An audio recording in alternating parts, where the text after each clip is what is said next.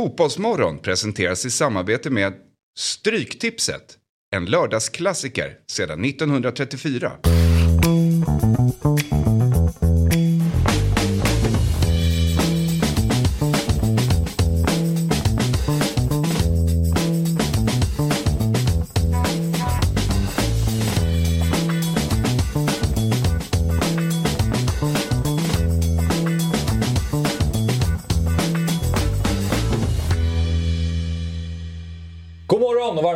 Välkomna till Fotbollsmorgon lördag. Ingen Jesper Hoffman i studion denna lördag utan då tar vi ju in vår supersub här på Dobb. Det är BP's suveräna mittfältare Samuel Lirsson.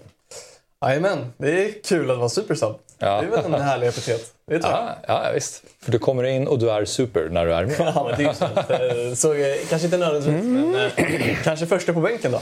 Men man kan ju säga att du inte längre är en supersub också eftersom du har ett fast program numera här som Ja. du eh, spelar in här. Och det är ju då den nya podden tillsammans med Christian Borell som heter Eurotalk Weekend.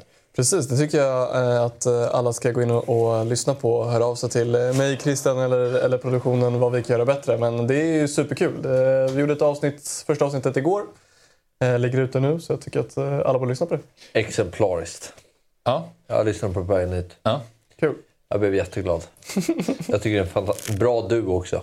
Ja, det är kul. Vi gjorde ju, du och jag och eh, Christian gjorde ju några sändningar under VM i vintras. Eh, Och då kändes det som att ni fann varandra lite grann. Jag tror Christian tycker väldigt mycket om att prata fotboll med dig. Ja, men eh, vi, vi kommer ju från lite olika perspektiv och lite olika generationer och såna här grejer som jag tror att eh, vi har olika syn på saker och ting. Och, och han rann iväg där lite i slutet kanske för att prata om Bologna och, och Sassuolo och, och Lecce och lite allt det här. Och där är jag ju ganska kall i ärlighetens namn. Men där gillar han att nörda in sig. Men jag tror att man kan få ganska mycket av båda världarna här om man, om man lyssnar på det här. Så jag hoppas det, jag hoppas det blir bra. Ja. Är det, liksom, ni pratar om fotboll i allmänhet och det kan vara lite allt möjligt då? Det kan vara lite allt möjligt. Det ska väl egentligen vara dagsaktuella ämnen. Sen blev det lite snack nu eftersom det var ett transferfönster som var stängt. Och, och eh, Christian ville väl också diskutera lite Saudi som har diskuterats och sådär. Så att det var väl lite början av det. Men sen diskuterade även mm, veckans och helgens matcher och sådär. Så att det, det ska vara dagsaktuella ämnen. Kommer ni gå i polemik mot varandra? Jag hoppas det. Bra.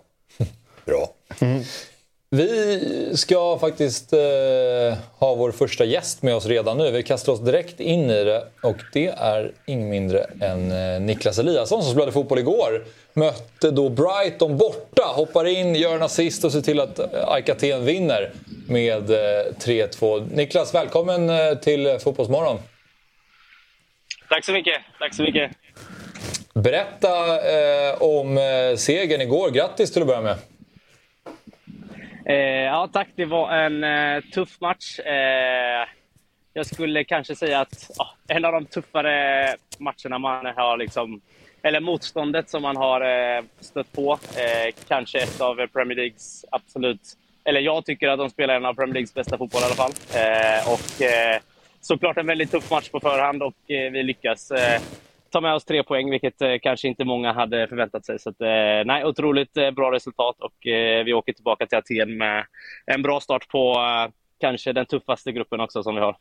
Ja. Vi ska prata om, om eh, dig och AIK Aten också såklart. Men det har varit väldigt mycket snack i fotbollsvärlden om, om De Serbi och, och hans Brighton senaste tiden. Hur, utveckla lite mer och hur det var att möta, möta dem och den fotboll de spelar. Nej, men såklart, man har ju ganska bra koll på Premier League, så att eh, de spelar ju fantastiskt bra fotboll. Eh, lyckats göra någonting riktigt bra, så att eh, det var såklart en väldigt tuff match på förhand. Och sen har de... Eh, eh, ah, man känner verkligen det när man är på planen också, att det är, Premier League har en, eh, en eh, fysik som är någonting eh, utöver det vanliga eh, på alla spelare. Eh, både med liksom eh, fysiska styrkan och även eh, farten på alla spelare. Så att, eh, Väldigt tuff match, men eh, jag tycker vi står upp bra och eh, har en del chanser till att göra även 2-0 i första halvlek. Så att, eh, jag tror också det är lätt att det är Premier League-lag att de underskattar liksom, att man ska möta ett grekiskt gäng som de inte har bra koll på. Så att, eh, det är liksom inte, ja, jag tror inte de följer grekiska ligan riktigt. Så att, men jag pratade med lite, lite folk efteråt och de, de var ändå imponerade över hur, hur vi spelar fotboll och vad, vad vi försöker göra. Så det var positivt och roligt. Hur såg er matchplan ut? Vad, vad, vad förberedde er tränare er på? Alltså vilka fällor skulle ni inte gå in på i och Liksom vad, för att inte... Eh, nej, men vi har eh, vår tränare är Almeida, Mattias Almeida från Argentina. Då, så att han har en väldigt, väldigt tydlig spelidé. Eh, där att, eh, ja, riktigt eh, lite, liksom, skulle ändå säga lite Bielsa liksom mycket man-man och, och hög press och liksom intensivt. Så här. Så att, eh, man hade ju kanske en tanke på att man skulle komma hit och liksom, eh, försvara, försvara lite mer, men han, eh, han ville köra samma stil, liksom, försöka pressa högt och, och gå man-man. och så, här, så att, eh, Förvånande säkert och även något de antagligen inte hade räknat med. Så att, eh, nej, men eh, roligt. Mm. Du, eh, skönt var det att få hoppa in här och göra en assist och ligga bakom liksom, eh, avgörandet. Eh, hur, eh, du kallas ju Mr Assist. När kom första målet? Ja. Äh, nej, det blir, det, blir, det blir mest assist. Det har varit så egentligen eh, hela karriären. Så att, jag trivs ganska bra med det, men sen är det klart mål, mål är mål. Men att göra assisten där med fem minuter kvar mot, och vi lyckas ta tre poäng, det var såklart fantastiskt roligt. Så att, nej, det, det, tar jag, det tar jag gärna med mig. Hur, alltså, hur mycket hur, eh, hur mycket svettades när man, man, när man såg att det var liksom 13 minuters övertid? Man gör, gör ett sent mål och så ja. kommer det 13 minuters övertid mot Brighton borta ja, som är... trycker på. Ja, den, den är jobbig och sen liksom fick de med sig hela arenan också. Så det, var, det var tufft. Men eh, ja, fan, vi försökte döda så mycket tid som möjligt sista, sista 13 minuterna där. Så att, eh, eh, vanligtvis är man van kanske vid tre minuter tillägg eh, och fem brukar låta mycket. Men eh, 13, nej, det var tufft. Men vi lyckades stå ut såklart. Men eh, Niklas, du skrev på för AIK för ett år sedan. Eh, hur trivs du i klubben? Eh, fantastiskt bra. Eh, det är verkligen en klubb som är på, på uppgång. Ny arena. Och vi vann dubbel förra året med ligan och, och cupen. Mm. Och så, här, så det varit ändå eh, verkligen ett, ett lyft för klubben och sen nu eh, tagit oss in i Europaspelet och, och, och lyckats ta första vinsten här mot eh, Brighton som var första gången ett grekiskt lag slår, eller första gången på väldigt lång tid som ett grekiskt lag slår ett engelskt lag i alla fall. Så att, eh, man märker verkligen hur klubben, eh, klubben mår bra och ja, har satsat ganska ordentligt för att, för att fortsätta ha framgångar framöver. Har man eh, snackat någonting i laget om att alla grekiska lag vann förutom mäktiga Olympiakos? Eh, jag, jag, nej, jag har inte hört så mycket, men jag såg att eh, Panathinaikos lyckades även slå Villarreal, tror jag det var. Eh, och sen som du sa, Olympiakos lyckades inte det som har varit eh, den stora, liksom, ja, totaldominerat egentligen grekisk fotboll senaste ja, hur många år som helst. Eh, men eh, man märker att eh, det verkar få ett lyft i grekisk fotboll med AIK som har satsat stort och gör det Eh, jag blev själv förvånad över kvaliteten på många, många spelare här eh, som har eh, ja, riktigt bra klass faktiskt. Och sen eh, Panathinaikos också som, som gör det bra. Så att, eh, nej, det, är ändå, det är roligt med, med bra resultat och eh, en, eh, ett land och en liga som folk i, hemma i Sverige kanske inte har helt så bra koll på tycker jag. När blir du uttagen till landslaget då? Eh, vi får se, får hoppas att vi kan eh, göra bra resultat här i, i eh, Europa och fortsätta göra, göra det bra där och även i ligan så, så får man väl se. Men ja, nej, som ett tråkigt svar, men jag håller fokus på, på Ajax så får man ta det som det kommer. Men, men som du säger, alltså, ni vann dubben förra året. Känner du dig liksom lite bortglömd där borta i Grekland? Eh, nej, alltså, jag fokuserar inte så mycket på, på hur mycket som skrivs hemma och så. Eh, men eh, som sagt, jag trivs fantastiskt bra i Aten. Det är en, eh, en väldigt bra stad. Eh, så jag trivs jättebra där och här och liksom, ja, jag försöker göra det så bra som möjligt och, och samtidigt bara njuta av livet samtidigt. Så att, eh, nej, det är eh, bortglömd, jag vet inte. Eh, men jag trivs jättebra så att, och mår bra, så det är det viktigaste.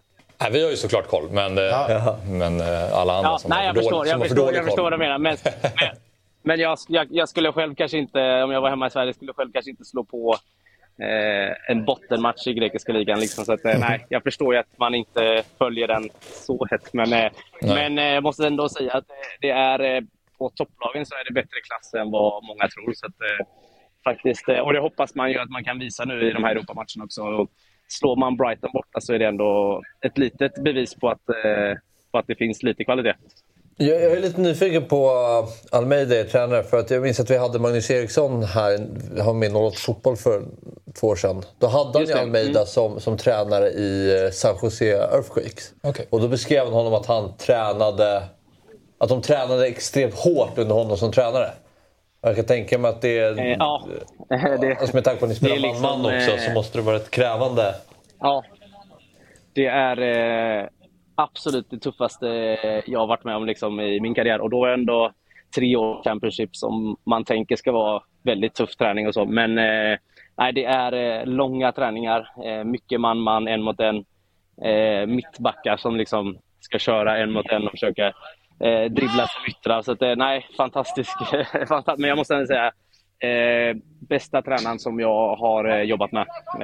Både som person och samtidigt som eh, coach som man har även mycket erfarenhet såklart. Eh, från en bra spelarkarriär. Men eh, jag tror det är en tränare som kommer eh, kunna göra riktigt bra grejer i Europa och sen ja, skulle inte bli förvånad om han eh, kan ta större, större steg efter det här också.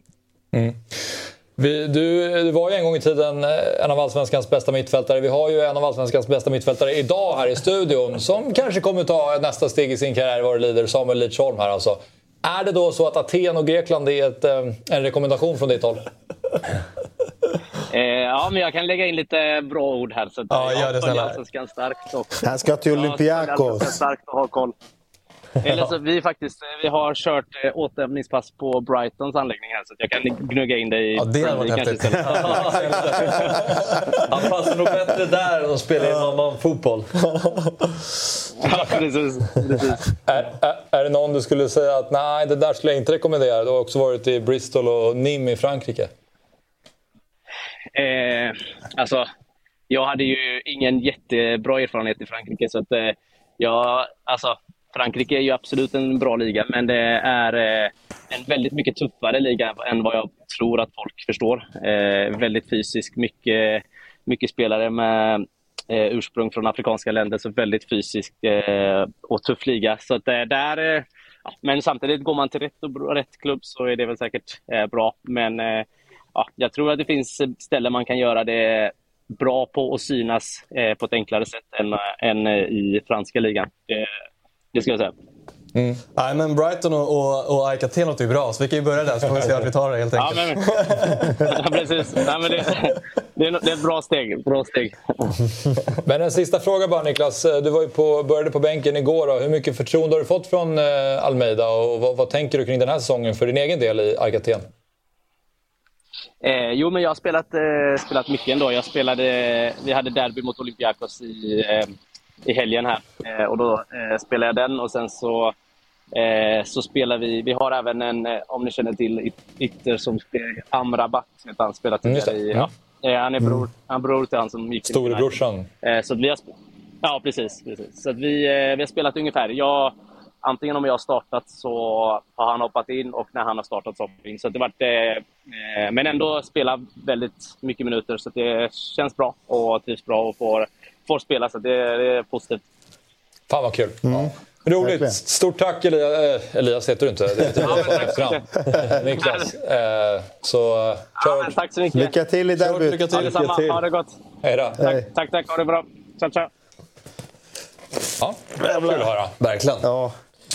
Vissa människor har bara så god aura tycker jag. Alltså, han har ju verkligen... Jäkla snäll och glad Ja. kille. Alltså. Ja, men det, Och häftigt med Aika Aten. Det är ju, jag följer absolut inte den grekiska ligan. Jag förstår att du med, med grekisk bakgrund följer väl den mer än alla oss andra tre här inne. Men eh, att de tog dubben visste jag inte ens om. Och spännande då att se. Och att svensk som spelar liksom... Nej, han spelade en stor roll. Han spelade en stor roll Ett lag som tar dubben i Grekland och nu spelar i Europa. Det är det är, alltså, det, ska är eh, på väg att faktiskt ta över den scenen som han pratade om att Olympiakos har ägt många år. Man ser ett tydligt maktskifte där i, i, i Grekland. Eller att det är i alla fall på gång. Eh, alltså Aika har ju storsatsat med liksom så här, köpt och byggt sin egen stadio. Det har varit väldigt viktigt för dem. Liksom att de får alla intäkter därifrån. De har byggt den i liksom sitt... Alltså i Aten är Olympiakos, Panathinaikos och, och AIK de stora lagen. Men AIK har ju inte spelat i sitt område riktigt. Nu gör de det eh, och bygger upp något liksom, eh, stort där. Och som sagt, den här tränaren han verkar ju vara, han verkar faktiskt vara riktigt vass. Och de spelar absolut den roligaste fotbollen eh, i Grekland. Det är tokoffensivt och kul. Så Panathinaikos ska du inte, de är destruktiva där. De vill bara vinna med 1-0. och spela Klassisk grekisk fotboll. Och, och Olympiakos, de är lite såhär, inte, de är patsa, du vet. De, är, de ligger under med 2-1 mot Freiburg, krigar till 2-2. Sen är det bara öppet hav. Man bara, men ta den där poängen och gå vidare. De bara kör. Och så torskar de med... Ja, det är Olympiakos. Eh, så ja, men det, är, det är kul. Grekisk fotboll är på väg upp och det är, alltså, alla lag vann i Europa. Alltså, de har varit generellt dåliga i Europa. Ja, men, eh, och för att inte tala om grekiska landslaget som senaste, vad är det, 10 eller sen guldet 04 har de väl varit urusla. Ja. Men där är det också så här, sjukt mycket politik. Ja, Att så här, jag. Olympiakos-spelare ska spela före kanske någon som är en grek som har varit bättre i AIK. Nej, det har varit eh, rörigt. Roligast, känns med, grekiska landslaget är ju att Sheffield Uniteds högerback George Baldock är grek och spelar högerback för grekiska landslaget. Han är nästan halvgrek, så man ser sig George Baldock spela runt som högerback. Det är väl lite som Mette Cash i Polen. Ja, men det är exakt. Men de får ju aldrig fram några spelare. Alltså, vad, vad, vad är problemet? För att det, är- det känns som att om man kollar... Jag såg Galatasarays eh, trupp mot eh, FCK. Det var ju så här, 13 olika nationaliteter. Alltså, det känns ju som att... Eh, jag vet inte hur det är i Grekland, men i Turkiet känns det inte som att man satsar liksom, på inhemska spelare i storklubbarna. Eller så är det att de har det för bra, de inhemska spelarna i de storklubbarna i Grekland. Alltså de är kungar, de tjänar ju... jä- Spelar du i Olympiakos, mm. Arkaten eller Panathinaikos, du tjänar ju hur bra som helst. Ja. Att de inte vill lämna den. Jag hörde eh, Röda Stjärnan-spelare som ska... Nu är de i Champions League, eh, torskar ju mot City. Eh, men att de har väldigt mycket inhemska spelare som känner sig verkligen som kungar Ja. i... Eh, vad är de nu ifrån? Eh, Serbien. Belgrad är de ifrån. Vilka då?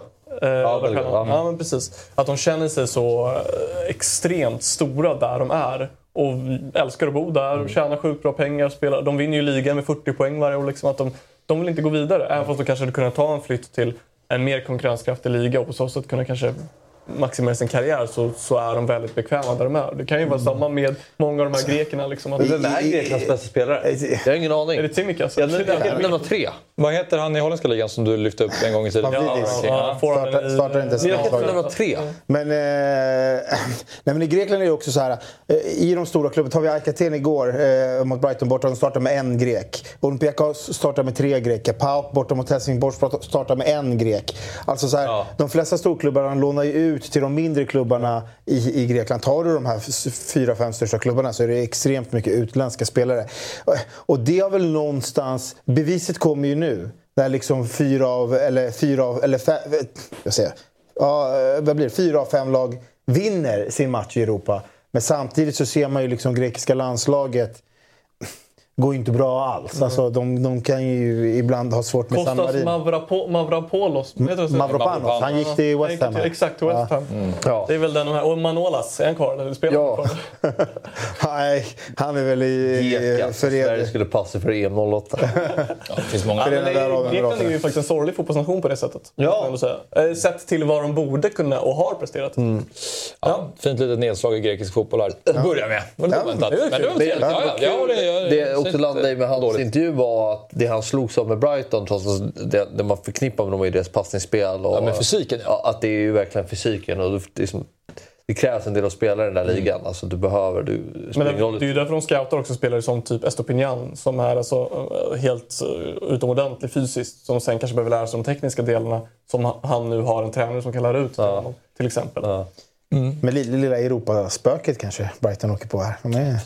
De, Men, de ska väl eh, inte bry sig om Europa nu när det går så bra i ligan. Det måste väl vara det primära fokuset. Att, att kan de nå en Champions League-plats är det ju helt enormt. Så att de ska väl pissa lite på det här Europa, tycker jag i alla fall.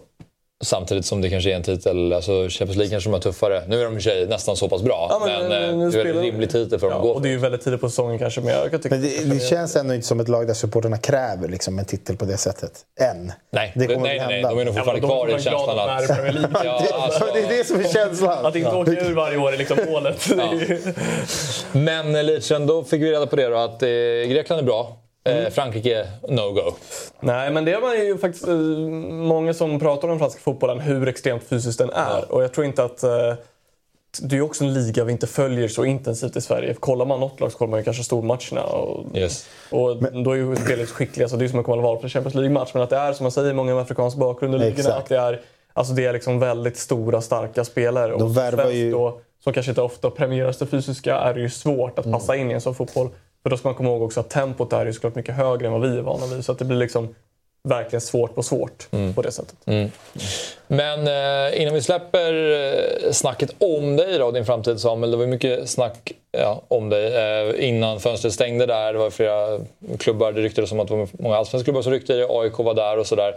Behöver inte gå in på detaljer och så, men hur kändes det att vara så pass mycket i, i hetluften? Eh, nej, men det, var- det var, för att dra det ännu längre bak så var det ju annorlunda att bara gå från Superettan till Allsvenskan. Det är min första allsvenska säsong. Att folk kom på matcherna och, och journalister frågade någonting. Bara det är ju någonting som jag inte är van vid. Det, har jag suttit och pratat fotboll så är det väl ni som har pratat om mig, eller jag som har pratat här i, liksom när jag spelat Superettan i division 1. Så bara den delen var ju väldigt annorlunda att förhålla sig till. Att här, ibland kommer det ut en rubrik där det står mitt namn på.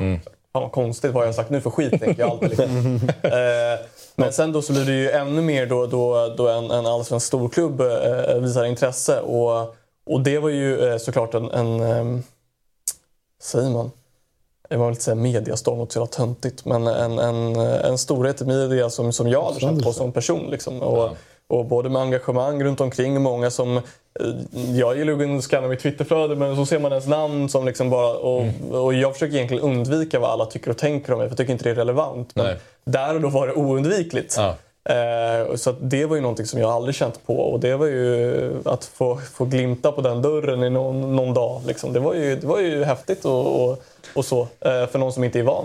Ja, man är väl ganska skyddad i BP generellt och i synnerhet om man spelar i Superettan med BP. Liksom. Sen är nästa steg Allsvenskan, men Ja, det är verkligen. fortfarande att det är Men- väldigt få som engagerar sig kring bra pojkar Ja, och det är ju på gott och ont. Alltså, jag kan ju tycka att, att många spelare får ju eh, väldigt mycket hype när de kanske inte gör eh, astronomiska bra grejer Ja. och väldigt mycket skit när de inte egentligen är så dåliga. Så det är ju på gott och ont alltså, att spela i en, en klubb med väldigt mycket engagemang. Och vi får ju inte något av det utan det är alltid lite...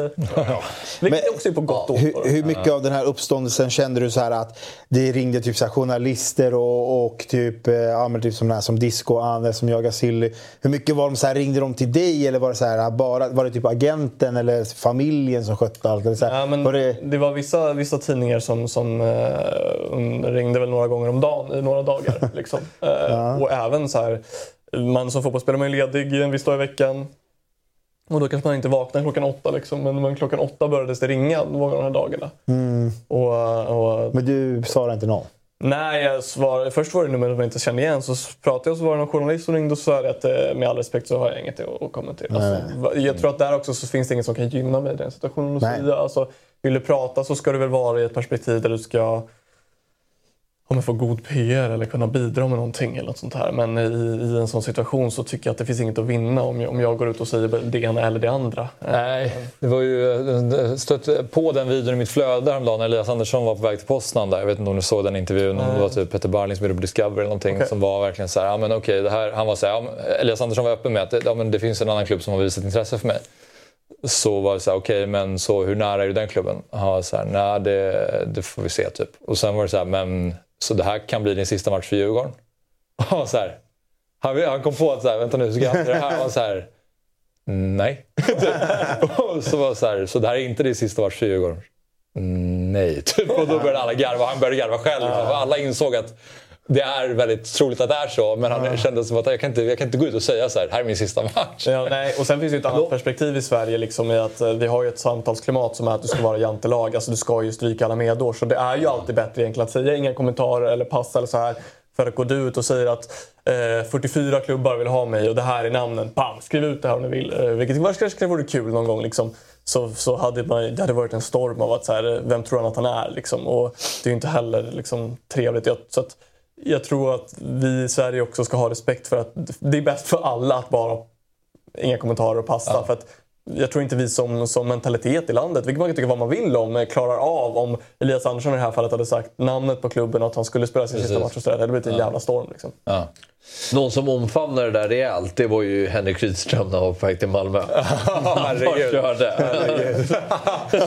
Nej, det var så konstigt hela den vevan. Han skulle på den här livepodden i Kalmar med, med Mattias Lyr och, bara, så bara, och de var bara nej, vi ska livepodda här och, på typ, ja, krogen där nere. Och sen så bara nej, han dyker inte upp. Så började de sådär, fan har våra källor fel? Så var det att han skulle vara på den där träningen nästa vecka och så, jag leder Kalmar imorgon. Ja. Jävla röra. Verkligen. Men, Just det. eh, Ja, Just det. Eh, Jag tänkte vi skulle börja det här eh, avsnittet. eh, Ja, vi har redan gjort det. Men nu startar vi det. Och då ska vi börja med eh, en del av den fotboll som spelades den här veckan. Och det handlar inte om Champions League eller Europa League. Det här är från den iranska ligan tror jag. Det är ett inkast som vi ska kolla på. Va? Ja. Helt missat. Är det Volt eller? Det är det sjukaste Och det blir det mål? Nej! De har ju en Iran i landslaget som kör voltinkastet, men det är inte han.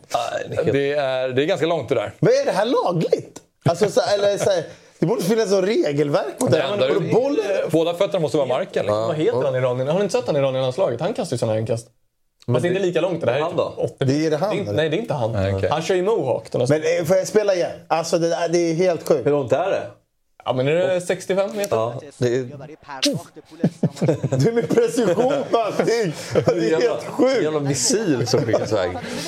Det är en jävligt bra boll också. Alltså, det är det. Han, men... han, blir, han är ju fri! Ja, han är... Och det värsta är att han startar ju bakom, så det är ingen offside på Inkas. Han hade kunnat starta 10 meter fram. Tänk när han kastar, du vet, det är här på sidan in i straffrådet. Tänk på att inte kasta för långt. det är liksom den som är... Ja, precis. Men, men han... om, om motståndarna inte har scoutat det här, då är det ett ganska bra vapen. Ja. Han, han, han, en gång. Eh, tänk på att vända spel direkt.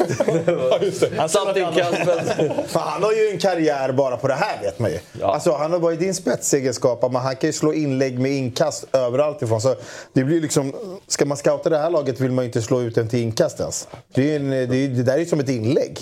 Nej, det var galet. Det var det sjukaste Ja. inkastet jag sett. En, en rolig start på programmet. Jag vet inte om... Kastar du, kan du kasta långt? Nej. Nej. Alltså, Jag är ganska bra på att kasta långt. Är det det?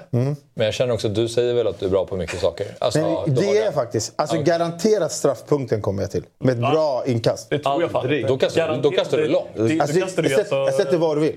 Att det kommer... Eh, Eh, och och ingen sån Det här här... är ju Ingen en sån här det här är ett bra inkast. Ja, men då, till nästa vecka ska vi ju måste ju testa det. ta, testa det. Det är bara att gå till... eh, Eller i och för sig, det är sjumannaplan på Ja, det. men vi går till... Uh, Östmalms IP är väl närmast då? Nej, nej, jag pratar 11 manna. Ja, ja, Ja, det är klart. Det är Du, du, du, vet väl att en, som, en person som kastar långa inkast kastar ju typ till straffområdet? Nej, du kastar ju kortare. Ja, precis. Det kastar ju till Alltså, början av straffområdet, så står man där och skarvar Ja, vidare. men vänta, till straffområdeslinjen, det är ett kort inkast. Ja, men... Till, Du måste ju, men, jo, du måste ju minst kommer- komma till där insparks... Eh, liksom, hö- målområdet. kastar du bra. målområdet. Då kastar du, då kastar du bra. Ja, dit kommer jag lätt. Ja, Alltså, det lovar jag. Där. Men nästa vecka har vi ju klipp på det här. Alltså. Varför är du så skeptisk? För att vet jag tror inte du förstår hur långt straffpunkt, då kastar du riktigt långt. Men jag vet ju hur långt jag kastar. Och då ska, den inte, då ska den inte landa där. Varför har ni inte använt det här i adobbturneringen? Det här är ju värsta vapnet. Axel står på... Ja, verkligen. Eller fortfarande, alltså till straffområdet, det ska ju fortfarande vara höjd där. Det är höjd. För att det är ju... Alltså, nu, nu snackar ju inte rull. Alltså, snackar du straffpunkt så här liksom... eh, Ja, men det rullar ju inte fram! Du bollen, tänker när bollen stannar. Ja, nej, nej, nej. nej, nej. Då är det dåligt. Jag säger så här. Jag säger så här. Den landar garanterat mellan straffpunkten och hörnet på insparkslinjen. Däremellan. Sen kan jag inte säga att jag med precision träffar Det straffpunkten. är längden vi pratar om. Ja, längden. Fredag nästa vecka innan vi spelar in så ska vi ha klipp på det här. Ja. Och så blir det en cliffhanger så får vi se när... Uh, får tittarna se när, i, i video. Men jag kastar, jag kastar bra långa Ja, ja, nej, men vi kör så. Bra. Eh, kul det där. Nu blir man ju väldigt... Inte såna där... Eh, Nej, det här kastar väl ingen. Men, eh, men, eh, Pers om- polisinkast höll jag på att säga. Vad Om du är... kastar sådär långt så är det fortfarande... det är ingen iranier, men jag eh, kastar långt. Ja, nej, men det där är ju extremt långt såklart. Det vi såg. Jag tror aldrig sett någon... Skulle jag testa på det där hade jag brutit benen. Vi, eh, som sagt, vi kastar oss in lite i Champions League och Europa League. Men först så tycker jag ändå att vi ska börja med det uppdrag som vi gav dig.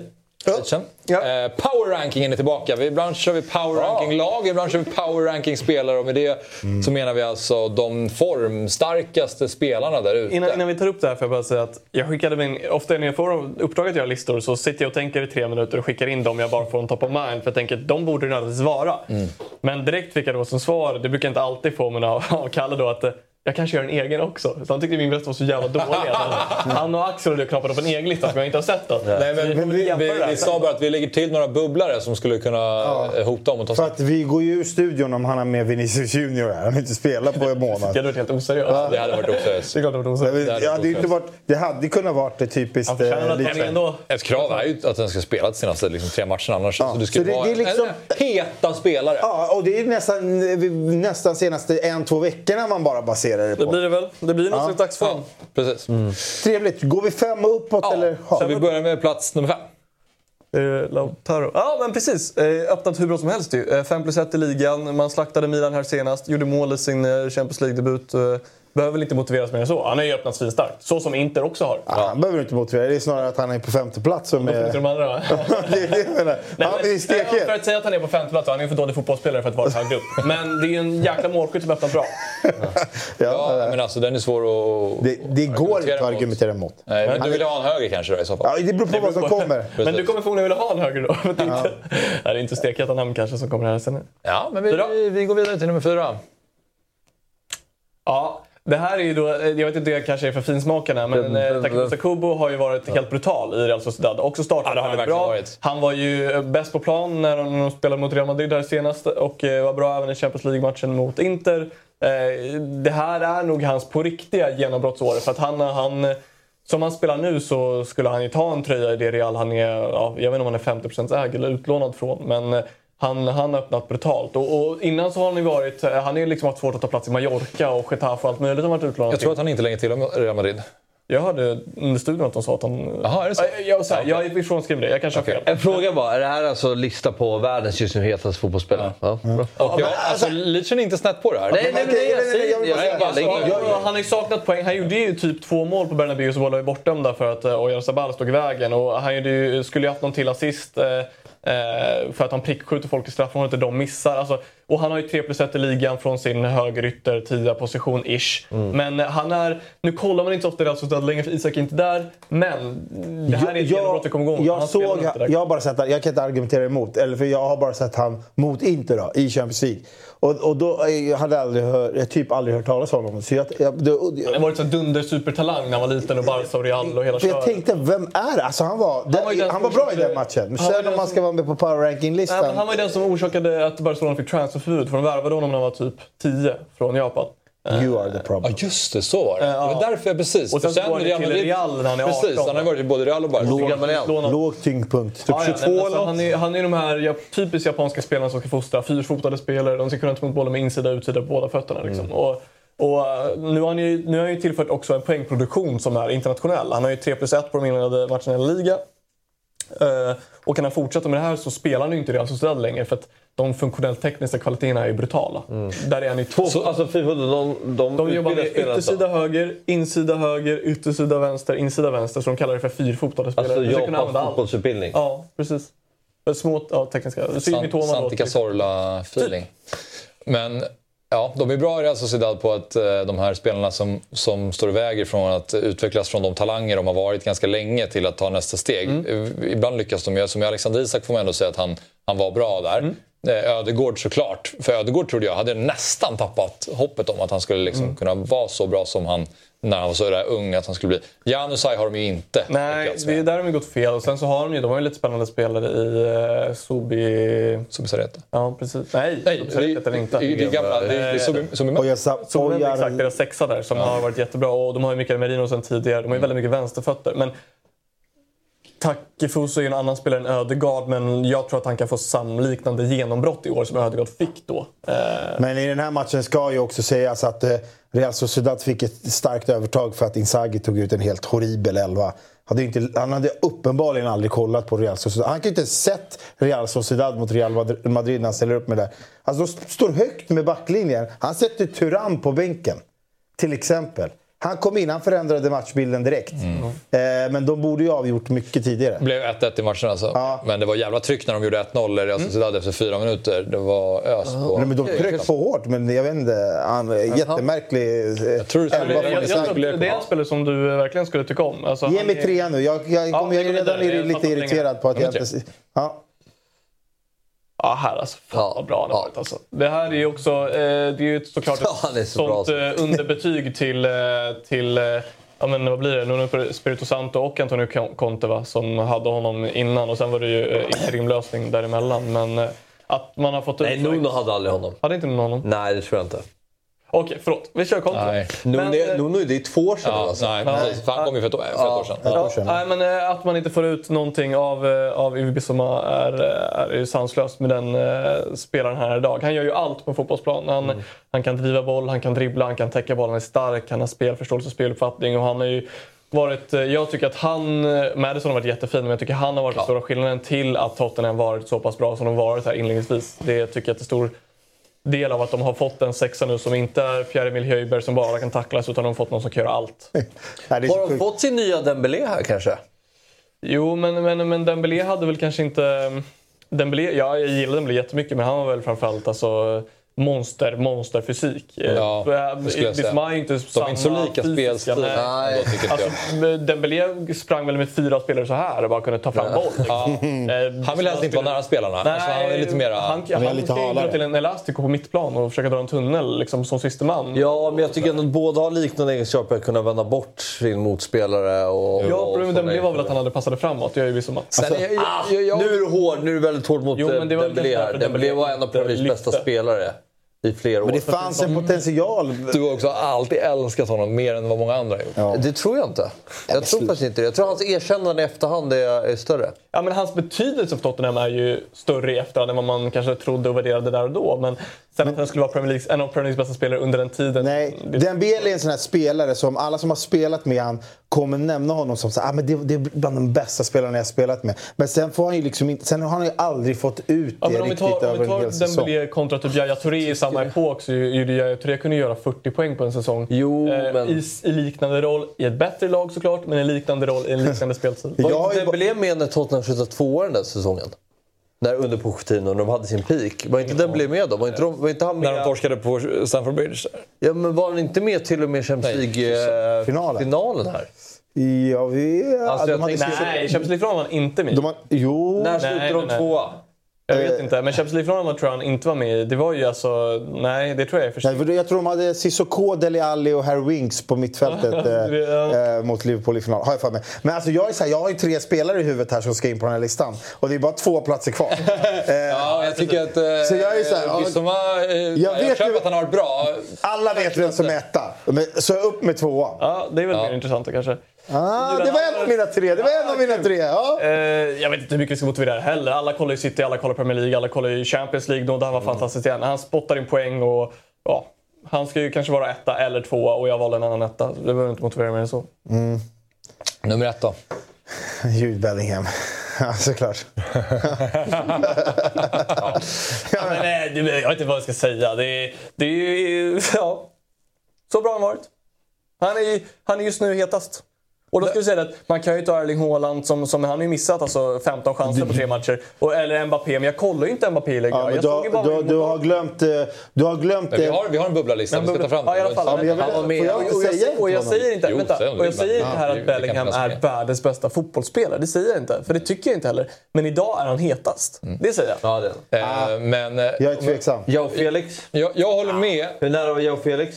Helt ärligt tänkte jag på honom. Men, men, men det var för att jag gjorde två mål i landskamp och sen två mål här. Men, men han, är ju, han måste bra. bevisa i en längre period. Så. Okej, men, Jag, jag håller med om att han ska vara nummer ett på den listan faktiskt. Eh, men det jag vill kasta in bara här är att... Du la de, min Jamal Nej, det hade man fan kunnat. Men de, nej, jag skulle bara säga om Jude Bellingham, de mål han har gjort. Det är mycket tappings. Mycket, alltså mycket enkla mål. Han har varit på rätt plats vid rätt tillfälle, liksom. ja. Och Men han det, gör, och det ska man också säga. det känns som att har bara stått rätt för honom. Liksom. Jo, det kommer men- ju inte fortsätta den här Men han Nej, gör men han kommer jäkligt mål från mycket- 30 meter också. Kanske är positivt att det är just de målen han gör. Men han Man gör jäkligt mycket på fotbollsplan också. Man vet ju snarare att han kommer göra de andra målen. Tänk, tänk på att Eller? han spelar ju inte som, som nia heller. Han spelar ju i en, en 4-4-2 i diamant som Mm. spets. Men han gör väldigt mycket på planen. Alltså, Han är ju ibland längst ner i försvar han är ibland längst ut till vänster och längst ut till höger. Alltså, han, han har ju en arbetsratio som också är eh, heltäckande på något sätt. Så att han ändå i slutet av matcherna kan vara framför mål och peta in den här, det tycker jag bara är en styrka. Vi ska, vi ska kolla på hans målgest här när han firar tillsammans med fansen och eh, Real Madrid-supportrarna gör så här samtidigt. är har du sett det? Ja. Eh, vi har Det är den efter senaste videon. matchen här Ja, i exakt. Champions. Så har han gjort, avgjort här senaste matchen mot Union Berlin hemma i tisdags eller om onsdags. Så står han där och så ser man eh, alla på läktaren står så där tillsammans med honom. Ja. Det är rätt... Eh, Det är häftigt. Det var bra. Jag hade han som kapten i min eh, fantasy Champions League. Så det var bra tappin. Men att du har missat det alltså på topp fem, kanske den hetaste spelaren just nu. Okej. Ja, det, jag förstår att du inte vill, göra, vill ta med honom eftersom han spelar i Barcelona, men Lewandowski är ju stekhet. Ja, Då ska jag ta Felix före. Nej, men vänta, vänta. Lewandowski har gjort fem mål på senaste fyra matcherna plus typ två, tre assist. Han är ju hur Ja, det het som helst. Då måste han med. Alltså, en het spelare, förlåt, en het spelare måste ju få vara med även om man räknar med att han ska göra mål. Han gör ju ändå Ja, mål. ja, såklart. Alltså, jag menar, förstår du? Såklart. Men med liknande Men- men det- logik det är skulle- mest- skulle ju då Erling Haaland också med. Alltså, Han gör ju inte målen. men du. Han gör inga mål längre. tänker du primärt på de två senaste matcherna bara som 5-0, 5-0? Nej, men han gjorde ju mål mot, eh, han gjorde ju assist mot. Cadiz och sen gjorde han mål mot matchen innan. Sen om vi ska blanda in Polen så gjorde han ju två mål där också. Men Men... eh, okej. han är stekhet! Jag, vill bara, jag, jag vill bara kasta in honom. Jag förstår Real Nej, det, Madrid-supporten. det, det ska inte ha något med det här att göra. Då ber jag om ursäkt, men jag tycker att... Eh, helt ärligt tycker jag hela Barcelona som klubb och lag är svalt som fan. låt, låt, dem vinna, låt dem vinna hur mycket som helst, men när man, när man som Barcelona eh, har en identitet bara av att värva svindyra spelare numera och att gått ifrån allt och... och, Ja, för Be- Jude. Bellingham var ett fynd. Det ser jag faktiskt just nu. Men man värvar ju inte Felipe Coutinho för 160 miljoner euro eller Osman Dembélé för 120 eller säljer sin lever. Alltså, Real Madrid har över 2 miljarder underskott i lönebudget. Ja. Barcelona sitter ju och trycker sprutor varje månad för att få in det. Det måste man ju ha i beräkning att de, det är en Nu, just nu. alltså nu, nu har vi blandat helt andra kriterier jag till blir irriterad. listan. Jag, jag, jag, jag, jag vet inte. Jag, Lewandowski är ändå jag, må, het. jag må vara färgad, jag må hata Barcelona, men jag, jag är mer trött på dem nu än någonsin. Hur kan man missköta en så stor och anrik klubb så länge? Då kan man inte räkna att ha med på sådana här listor. Det är oseriöst. Men du kan ju inte straffa Lewandowski för det. Nej, jag tycker inte han är så het heller. Nej, alltså, Bra. Nej, kan vi få... okej, Nej, men leva, leva är het, men de bubblare vi har, han är faktiskt inte med där, även om man kan argumentera för att han ska vara det. Eh, Men vi, för vi valde Joao Felix före eftersom han har liksom fått en liten revival. Och sen har vi Har Haaland, sett Serhu Mbappé Gurasi och- Serbo, inte till ditt bidrag. Gyrasi. Är det lite som min Pavlidis förra året? Va? Han var ju steket. Ja, men jag, jag satt och gick igenom bara de olika ligorna. Du ska vara statistiskt här, eller vadå? Ja, nu, då satt jag bara gick igenom eh, ligorna och eh, så såg jag den Bundesligas skytteliga. Leder Girassi helt överlägset. Han har gjort typ sju eller åtta mål de första fyra matcherna. Ja, det är- Hattrick senast Det är för bra. Jag har inte Stuttgart. spela. Jag visste inte att han Alltså, han, han är het! Ja, jag visste inte att han fanns. Men då kan man lika gärna, då kan man lika gärna ta med Victor Boniface då, eller Boniface eller vad man vill säga, som eh, har väl typ gjort 10 poäng på sex matcher och Det sådär. bara var lite kul att det blir lite upplysning för alla som inte vet vem Girassi Ja, är. verkligen. En ny De här har vi inte pratat om tidigare i det här programmet. Exakt. Nej, men jag tycker man måste ta ut en från icke topp 5-liga då. Kan vi ha med. Man får hitta någon lite random. Ja, det är sant. Någon, någon sån som sticker Ja, ut men jag hade inte kunnat sitta här och motivera att han ska med. Jag har aldrig sett honom spela. Alltså, det är nog jättesvårt för mig. Ja, jag har sett ett highlights-paket på Youtube så jag vet allt. Alltså, det- när jag ska säga, när jag tog med Pavlidis, då gick jag faktiskt in och kollade alla de målen han hade gjort. Otroliga. One touch i box. Nej, Magiskt. Jag vill bara flika Men, in eh, att Dembélé var med 16-17 och även Champions League. eh, Han var det? Ja, så. Var startade han den? I, Champions League? Finalen? eh, det kollar jag inte. Men alltså Lewandowski är fortfarande hetare än Haaland.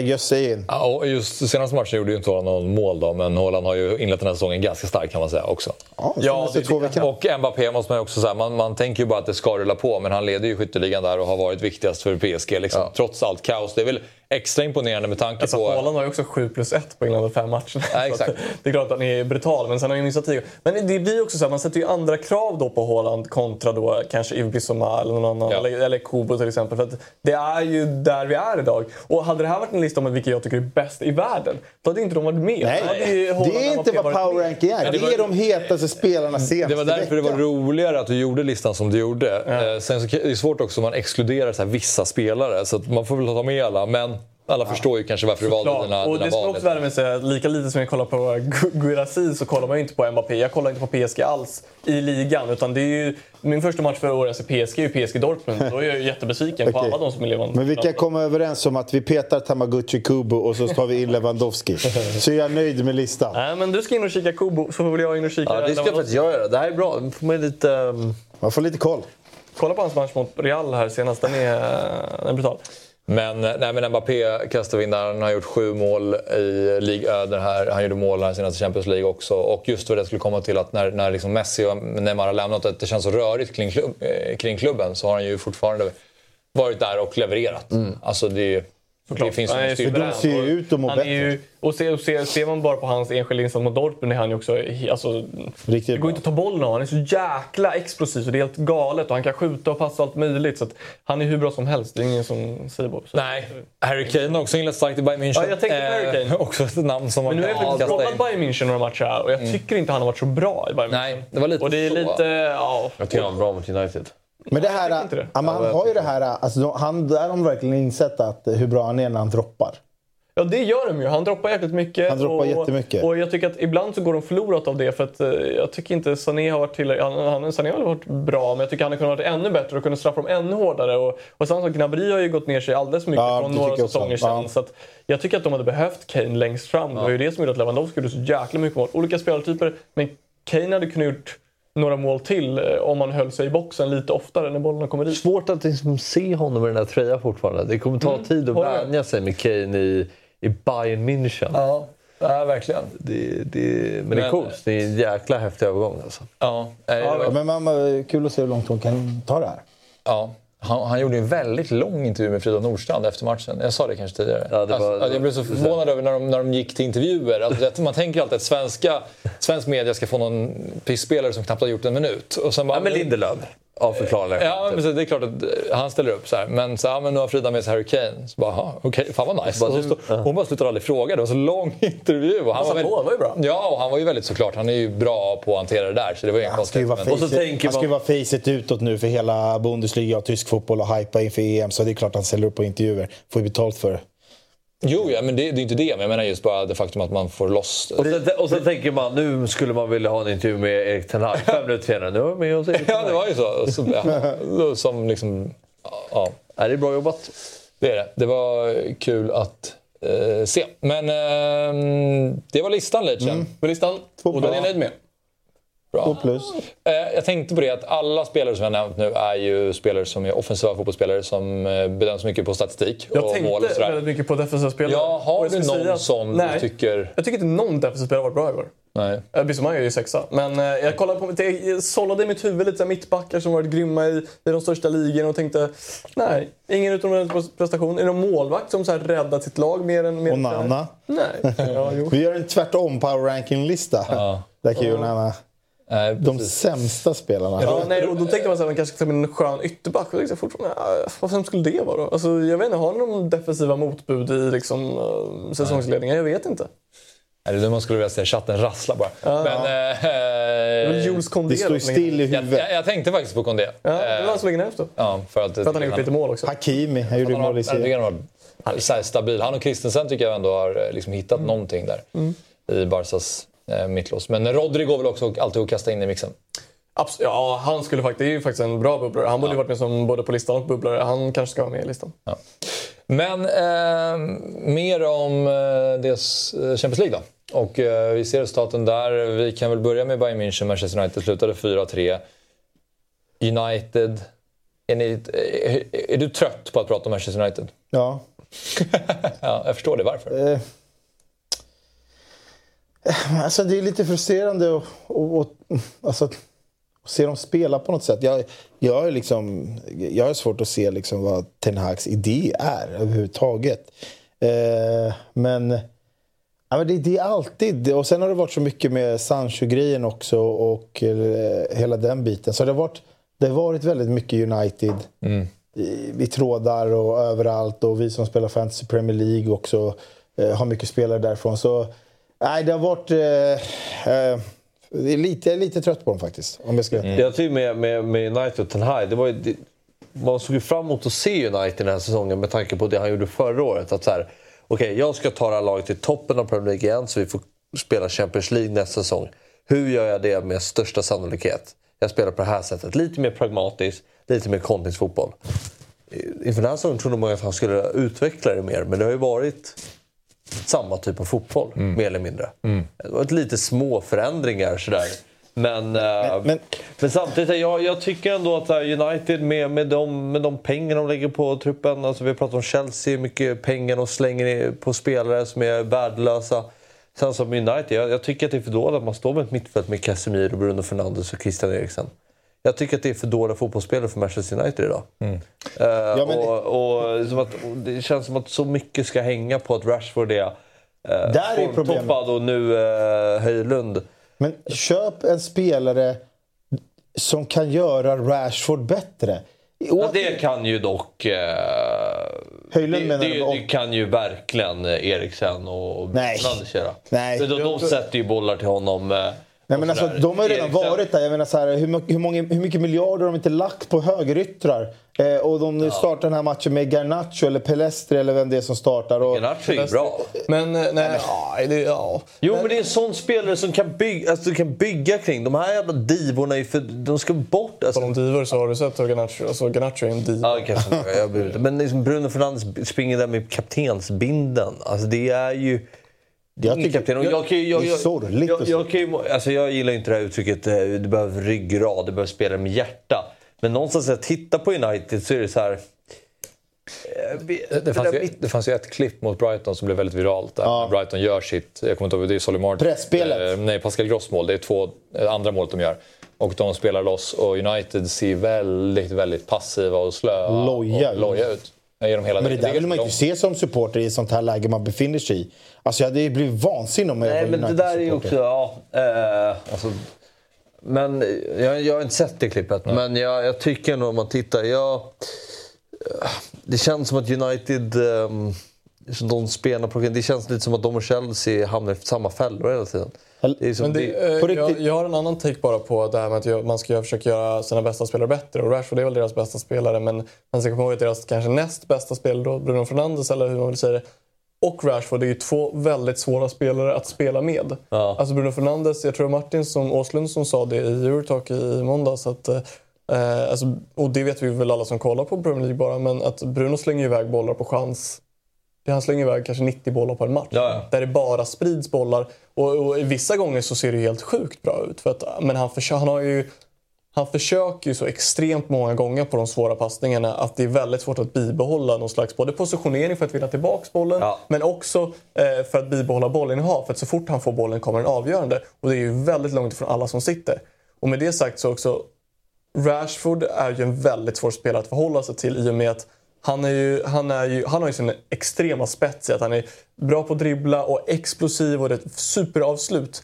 Men han blir ju ganska, tycker jag, väldigt ofta ner med huvudet och kör. Vilket han är svårt att kombinera och han har svårt att identifiera vart ytan finns ibland för att han ska, kombin- eller för att han ska driva lite för mycket själv.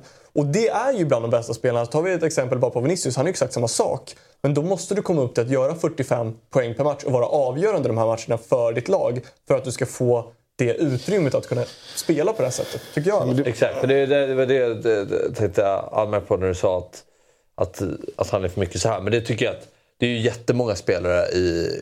Ja, det är ju Mbappé på också det. till exempel. Ja, men han gör ju enorm skillnad för sitt lag. Alltså, du har, Verkligen. Jo, men också det är det jag menar. Ja. Ja, det är det jag menar, eller förlåt att jag men det är det jag menar med hela United som vi har varit inne på sen innan. Att det fortfarande i år så hänger det på att Rashford ska vara så brutalt bra som han var förra året. Och det var, det var därför jag bara, bara innan sa att det här kan floppa. För att det, det är liksom att han ska ha den nivån, att det ska hänga så mycket på han igen. Alltså det, då blir det så här med Sonny Spurs, alltså, eller Salah året efter han gjorde de där, eh, den där supersäsongen. De kan ha en sån säsong och det kan inte, det kan inte som du är inne på, alla, eh, med de summorna de lägger, att det är så här, mm, ska Rashford ha en bra match eller inte? Och det har vi sett i inledningen, där han, alltså, han inte har kommit upp i nivå. Att liksom, de, de, de spelar ingen bra fotboll. Alltså, du, du pratade om Ten Hag förra året, jag tycker inte ens att han har spelat bättre fotboll än Ole Gunnar Solskjaer. Alltså, jag ser ingenting med United. Resultatet var ju ändå... Jo, på grund av Rashford. Alltså fine, det, det, det, de har en grej. Men vad är det för liksom värvningar de gör? Mason Mount, alltså, du, alltså jag vet inte. Jag, jag är skeptisk till det här. Nu får vi se Höjlund. Nu är han ju... Tillbaka, alltså, han, han är skadefri och, och får, får spela här. Det, det kanske blir lite förändring när de har en riktig nia där framme. Men... Det man ska ha med sig också är att Rashfords säsong förra året är ju väldigt bra såklart i ett så här fotbollsmässigt perspektiv men han gör bara 22 poäng förra säsongen. Och det är på tok för lite om United ska vara en av de bästa klubbarna i världen. Och han ska vara deras frontfigur. 22 poäng, det är, det är antal mål han ska komma upp till. Nu gör han 17 plus 5 i ligan förra året. Han måste komma upp i 22 mål om han ska vara så avgörande för United att de ska vara med och tävla på riktigt i de här ligorna. Bruno Och Fernandes tog straffarna också. Det kanske Ja, nej, men absolut. Men det, det, och det kan ju vara en grej. Men Vinicius tog till exempel inte straffar i Real Madrid. Han kommer upp i 46 eller 48 poäng förra säsongen. Eh, och det är det jag menar, om du ska upp till den här nivån. Det är ett saldo. Ja, det är klart att det är hur bra som helst. Men det jag menar, om du ska då upp till den här nivån att du ska hjälpa ditt lag att vinna titlar.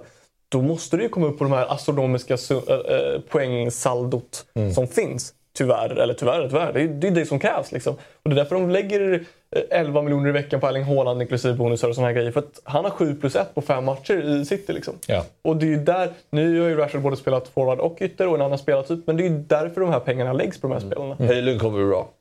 Det tror jag med. Det är en bra spelare. Ja, vi får väl, han kommer inte bli Haaland bra, men det kanske Nej, nej. eh, Det, det, är ju- det är orimliga krav. Men förhoppningsvis kan han hjälpa United och Bättre än Weghorst kanske. slå Brighton hemma.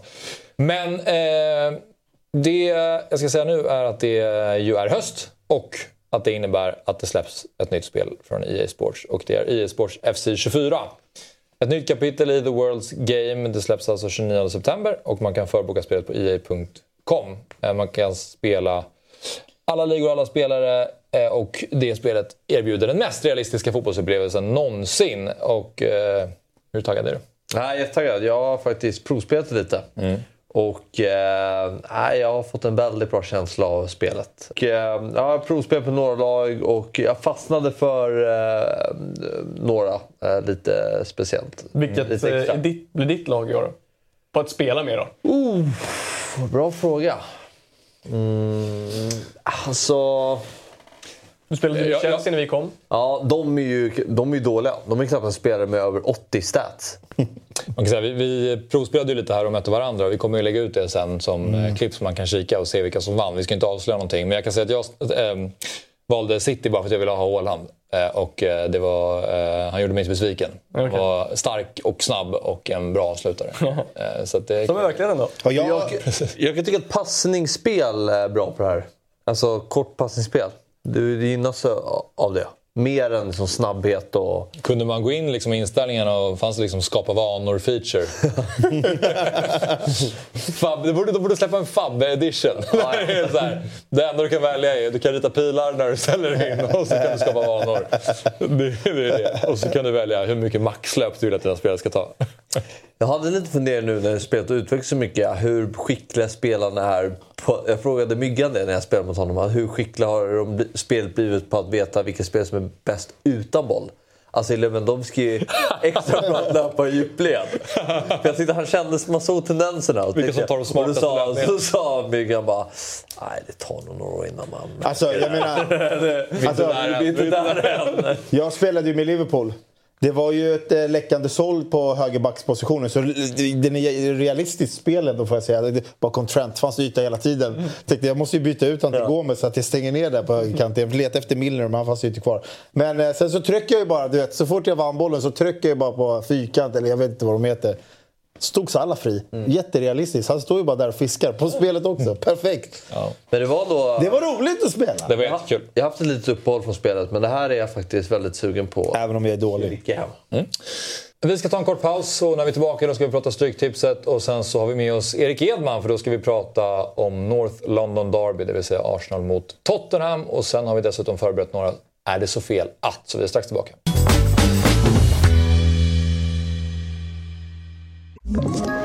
Ett poddtips från Podplay. I fallen jag aldrig glömmer djupdyker Hasse Aro i arbetet bakom några av Sveriges mest uppseendeväckande brottsutredningar. Går vi in med hemlig telefonavlyssning och, och då upplever vi att vi får en total förändring av hans beteende. Vad är det som händer nu? Vem är det som läcker? Och så säger han att jag är kriminell, jag har varit kriminell i hela mitt liv men att mörda ett barn, där går min gräns. Nya säsongen av Fallen jag aldrig glömmer på Podplay. Vi är denna vecka sponsrade av Hantverksdata.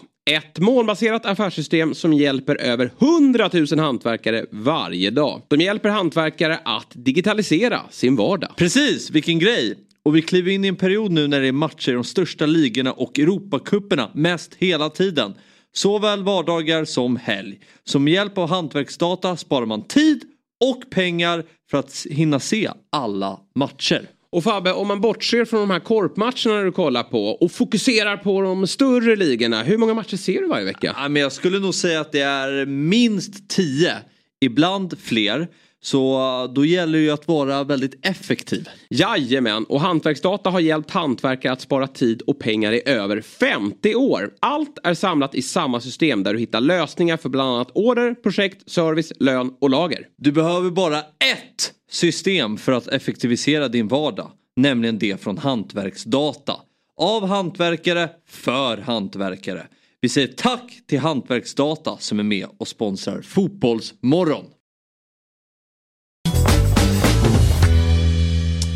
Vi är tillbaka. Jag hörde bara kör från kontrollrummet. Eh, Så vi kör helt enkelt. Och nu ska vi prata om Stryktipset. Vi börjar med att kolla på förra veckans kupong. Om vi skickar upp den. Eh, Vad säger du Sabri? 13 rätt fick jag.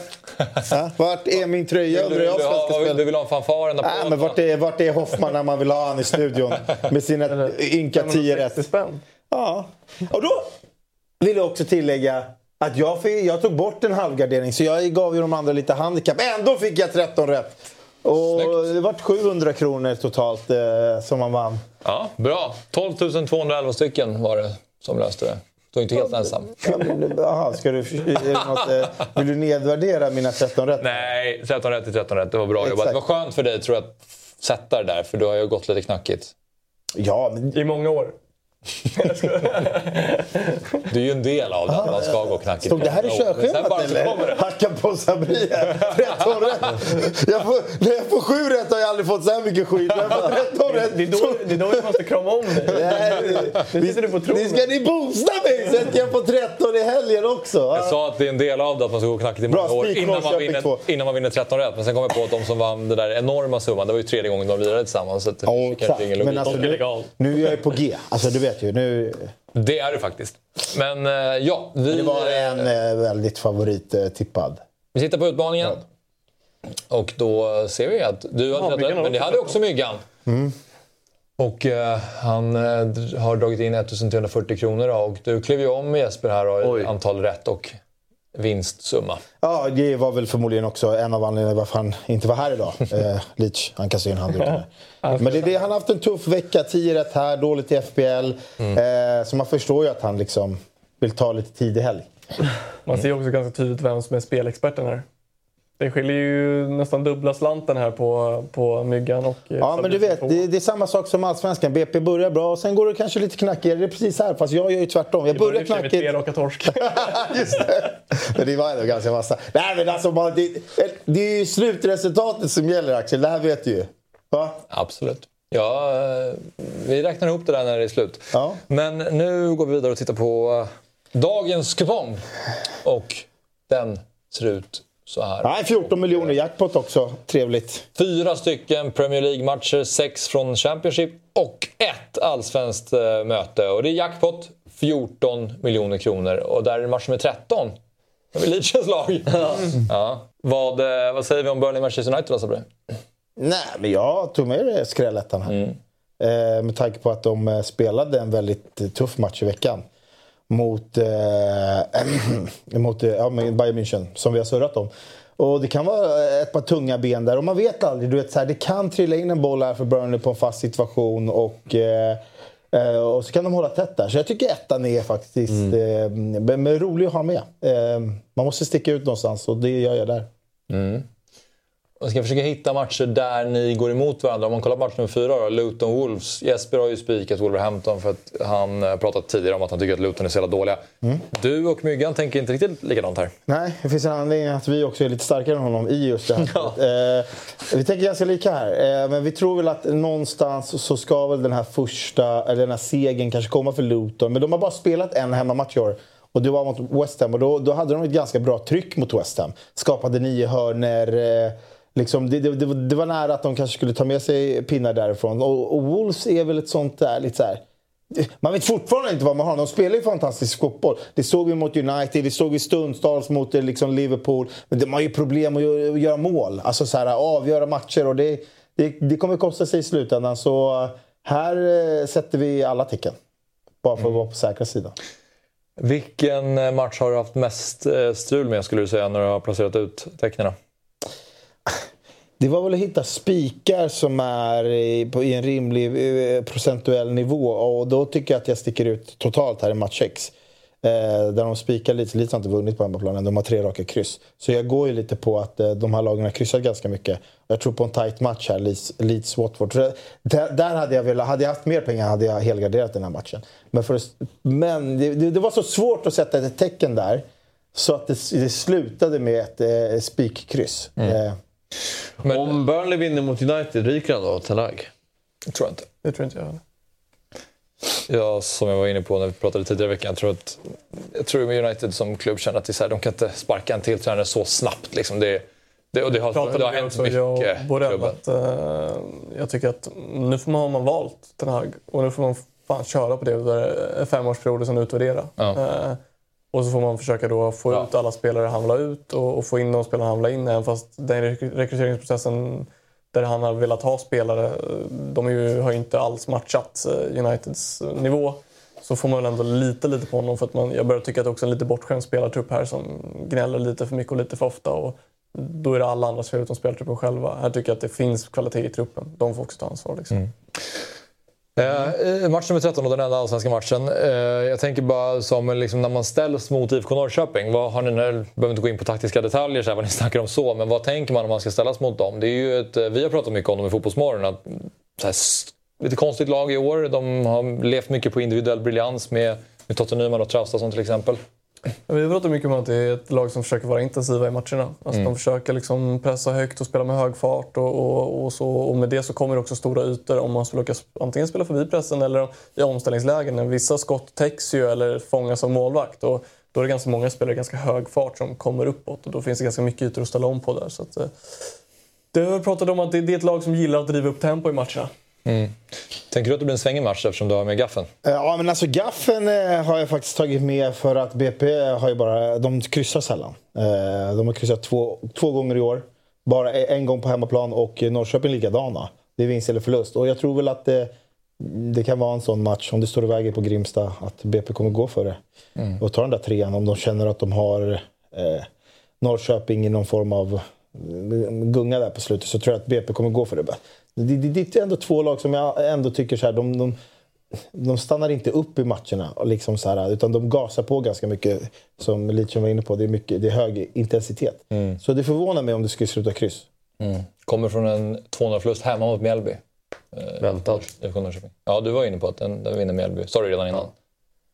Precis. Mjällby är starka borta. Men Du fick slår skit hemma. av att, du sa det. Det kommer jag ihåg. Att du fick skit av, vad var det Axén som sa det? Va? Jo, Ja, men det är det en, jag- kanske han mig för ett att av jag få hatar rätt han haft. för jag sa- tror att BP vinner, för att ni vinner mot Norrköping. Då han visa att jag hatar Norrköping.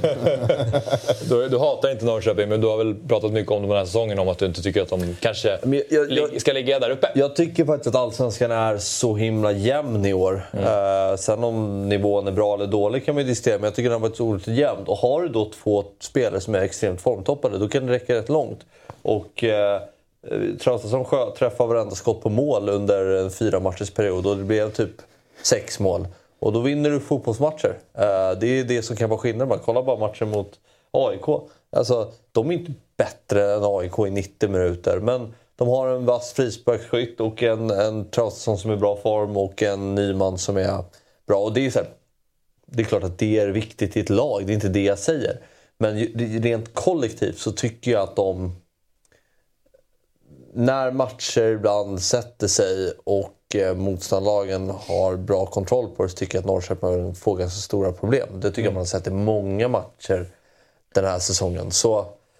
ehm, de, de ligger de ligger, de hade lika gärna kunnat ligga nia till exempel, tycker jag.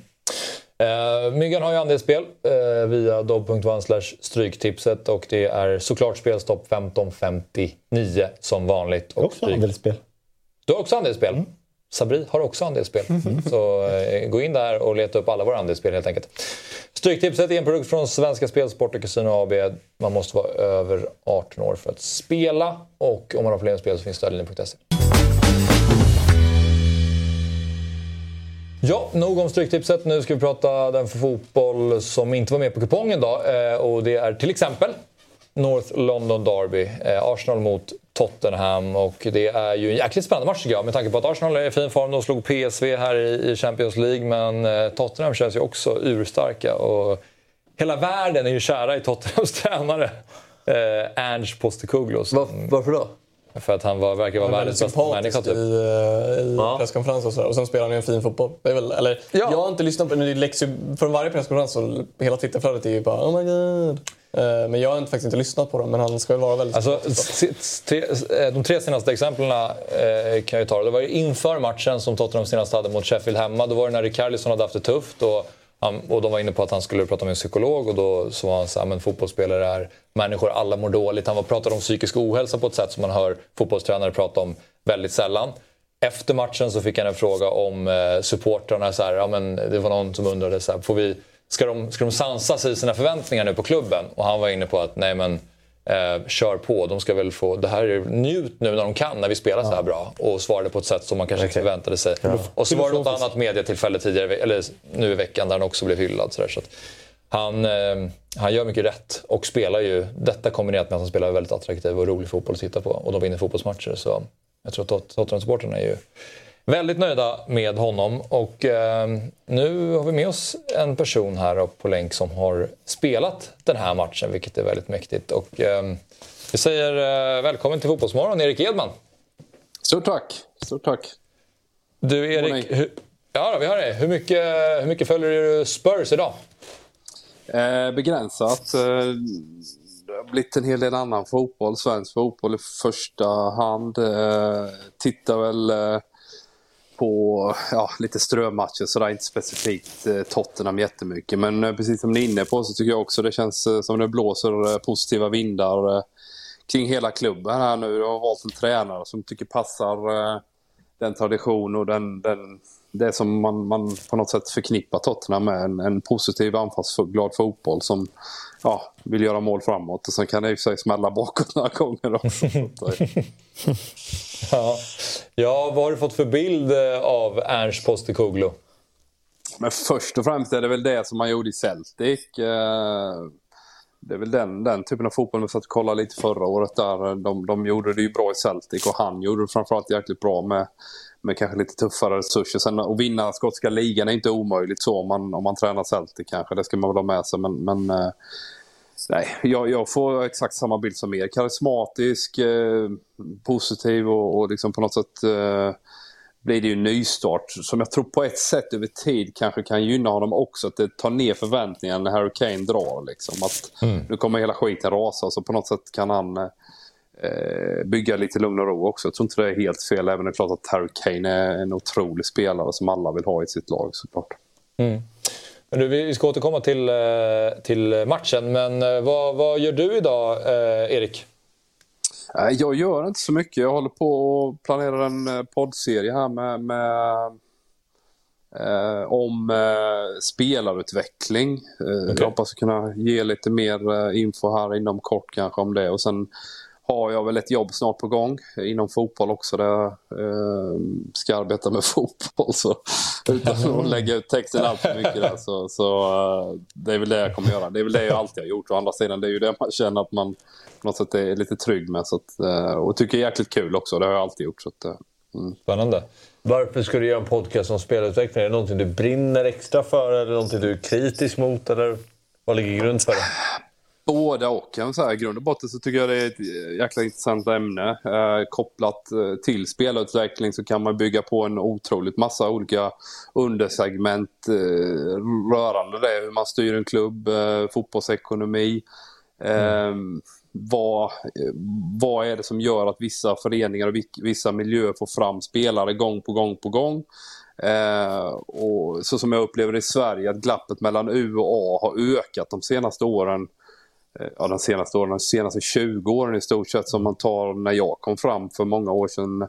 Så var glappet stort då också men nu upplever jag att det är ännu större eh, mellan A och U. Och det är ju någonting som vill man få fram fler spelare och i slutändan då bra landslagsspelare så måste vi göra det glappet mindre. Det kan ju vara några grejer. Mm. Men ähm, jag tänker på äh, din tid i Tottenham, äh, Erik. Äh, vad, beskriv till att börja med hur det är att eh, spela ett derby mot Arsenal.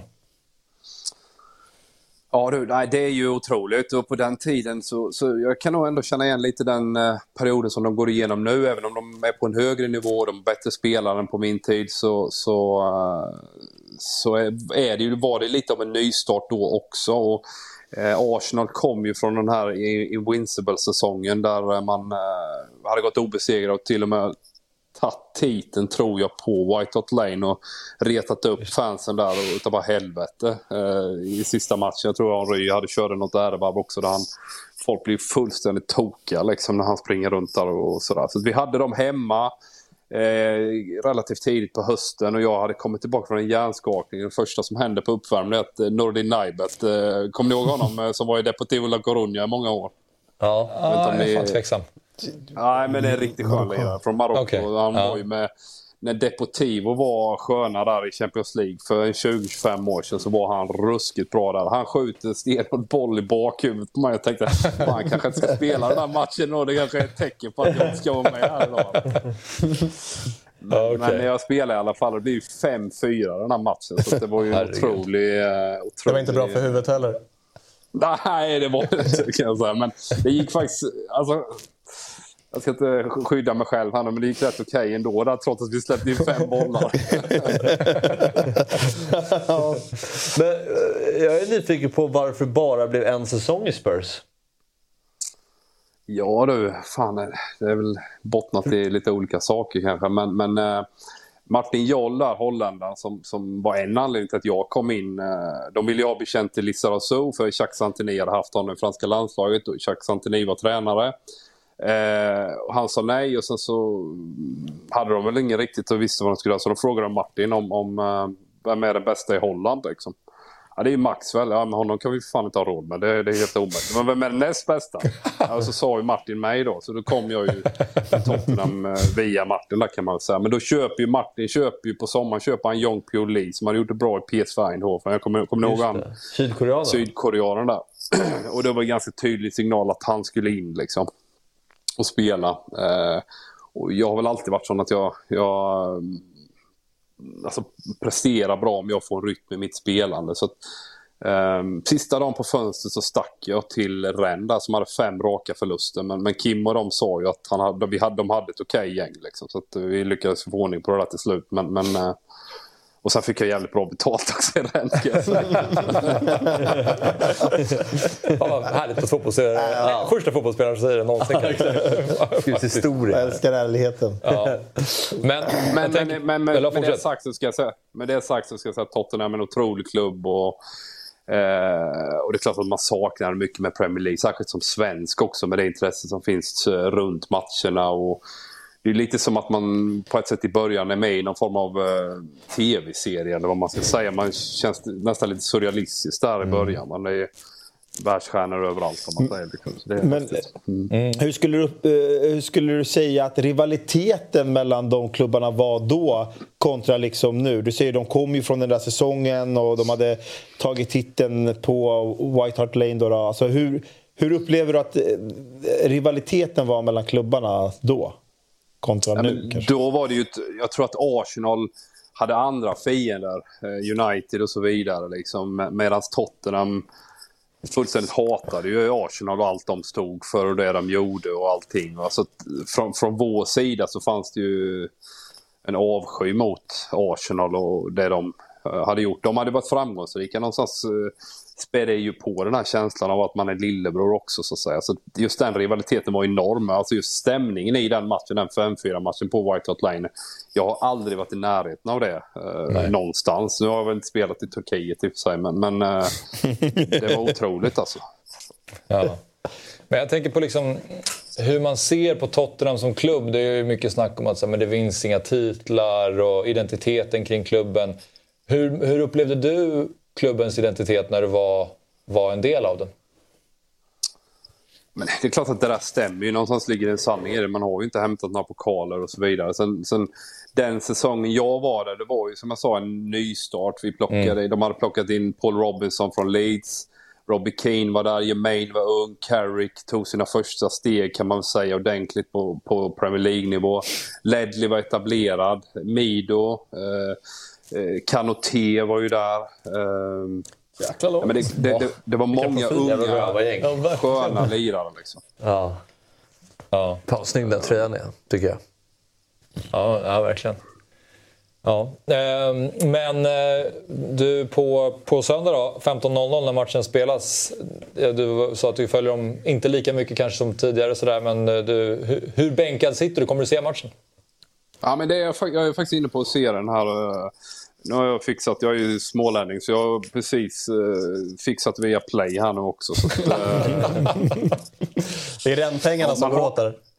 ja, men vad fan, man har ju hundra sådana här streamingtjänster nu. Det är Netflix och ungarna ska ha alla, alla abonnemang som finns i hela världen. Så det, det är ju inte gratis att ha via Play heller. Liksom. Men jag, jag kröp till korset där. Jag och min son där vill ju kolla såklart. Ja.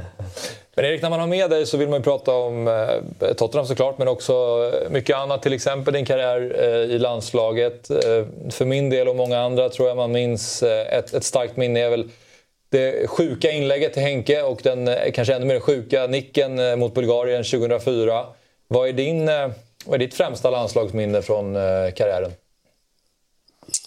Nej, men hela den turneringen där nere var ju, var ju speciell såklart. När man, när man är med och man spelar. Och, eh, det fanns någon jäkla god känsla både i laget och runt laget med alla fansen som var där också. Som, som eh, ja, jag vet inte. Det är ju gött att vara i Portugal också. Liksom. Det är solen skiner, det är varmt och det är, man kan bada och samtidigt kan man kolla på jävligt bra fotboll. Liksom. Det är svårt att matcha det tycker jag om man åker till Tyskland eller Ukraina, Polen eller något annat sådant här mästerskap. Så jag tror även fansen kände bara fan vilket jävla guldställe det här är. Och bara genom det blir det en hype och en, en, en känsla av att eh, ja, livet är kul liksom. Ja. Ja. Så hela det mästerskapet då egentligen? Ja, det ska jag säga. 2004 var, var speciellt. Sen, det är klart, jag var med 2002 i Japan. Det är ju också lite annorlunda där med... med ja, internet var inte jätteutbyggt på den tiden och man fattade ju ingenting. Och det, var ju, det, är ett coolt, det är ett coolt land och så vidare. Japan eh, och sådär. Va? Så att, eh, det, det var också kul att vara med. 2006 var ju mer... Vi hade svårt att svara upp till, till de förväntningarna som fanns. Liksom. Var du, var du som bäst där då under 2004? Det var väl precis som du gick till Tottenham också, det mästerskapet. Och... Ja, jag ska säga det. Det var väl tre, fyra år där. Två år i Holland och något år i Rennes också därefter. Liksom, så, som, Mm. som var mina bästa år som spelare. Sen, sen började jag gå ut för. Är, det Sverige, är det Sveriges bästa landslag någonsin? 2006 däremot Paraguay. Eh, och Det är det är ju klart att det är 2006, ett jävla, det är ett jävla lag. Vilket, vilken upplaga tycker du var eh, den bästa som du var en del av? Eh, ja, nej, men det är svårt att förbise 2004 ändå tycker jag. Liksom. Det var Mm. många som var heta där. Fredrik var het, Henke var het, eh, Zlatan var på väg in. Alltså, egentligen hade vi ju bättre, ännu bättre spelare 2006 men många av dem som var bärande och drivande i laget var, kom ju lite från... Mm. Jag menar Zlatan hade skadeproblem, Fredrik hade skadeproblem. Någonstans så här, Sverige som ett så pass litet land har liksom inte råd att ha några superstjärnor som inte är i toppslag. Liksom. Det går inte. Ser lite behagligt ut att glidtackla på den här bilden än den förra bilden som vi hade. Och vad är det tipshallen? Ja, här den är, vi kan kasta upp den bilden igen. Det är, faktiskt, Det är ju Sveriges absolut sämsta fotbollsplan. Det här är ju tipshallen i Växjö mot Färöarna där Zlatan gör sin första landskamp faktiskt. Mm. Eh, Det här är hans första match. Man ser ju att ni spelare här inte är lagom sugna på den här planen heller. Det är inte många glada miner. Framförallt inte, framförallt inte Erik då. Erik till Jäkligt trött på det här här. är 90 minuter som ska avverkas. Uppvärmningen har skit, inte en passning som går på backen liksom. Det är... Nej, nej, jag kan säga det. Det var ju någon uttagning till den här Kings Cup i Thailand har jag för mig det där. Men jag kan säga att eh, jag var nog inte med på den här listan som skulle, skulle vidare i alla fall efter den där jävla insatsen. Så där såg Erik ut ända tills kontraktet med Rennes. Då var det leende. Det här är alltså, jag gick igenom den här bilden innan. Kan du sätta alla Fabbe?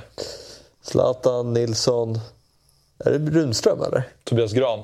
Tobias Gran ja. Eh, Risp, Amandi, Asper, Håkan. Nej, Erik Håkan Svensson.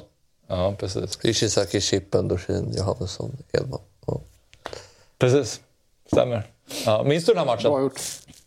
Ja, men det gör jag. Eh, men det är inte så att man... eh, minns att jag har spelat den typ. Det är inte Nej, så att man nej. kommer ihåg eh, eh, aktioner i matchen direkt. Det var inte så jävla... Det var en riktigt risig match där. Alltså. ja, jag förstår det. Eh, Hur gamla är barnen? Eh, ja, grabben är 18, sen har jag två tjejer på 15 och 13 också. Så att, eh, Spelar grabben också fotboll? ja, den lilla och eh, grabben spelar fotboll i en lokal klubb här i Helsingborg, Hittarps IK. Tänker hur ofta du har visat dem ditt mål mot Liverpool.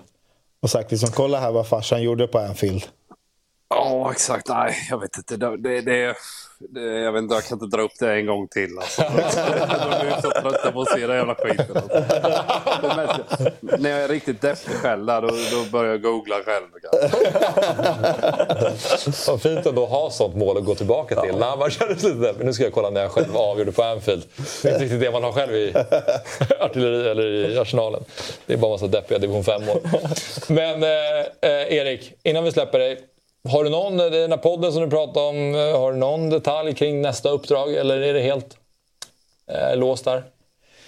Nej, men eh, som jag sa, vi, jag hoppas väl kunna knyta ihop säcken om någon vecka eller två. Det är väl den detaljen. Jag, jag sa det i någon annan podd. Det låter som han Nils Ekman där han eh, som sitter i och fått jobbet i Bry, Brynäs. När han håller på och försöker slingra sig på alla möjliga olika sätt. Jag vet inte, har ni sett det klippet eller? Nej, jag tror inte jag har gjort det. Alltså är det den ni ser Nej. på? Alltså Djur- Djurgårds... Ja, du måste gå, han som är SVT-expert och så blir han eh, konfronterad med att han ska till Brynäs och så börjar han snacka om sina barn och nyspolade is och livet i toppen och allt möjligt där liksom. Kring, sen, sen går det två timmar så är han klar för Brynäs liksom. Så googla det, det är svinbra. Det, det är bra det klippet. Det måste vi göra.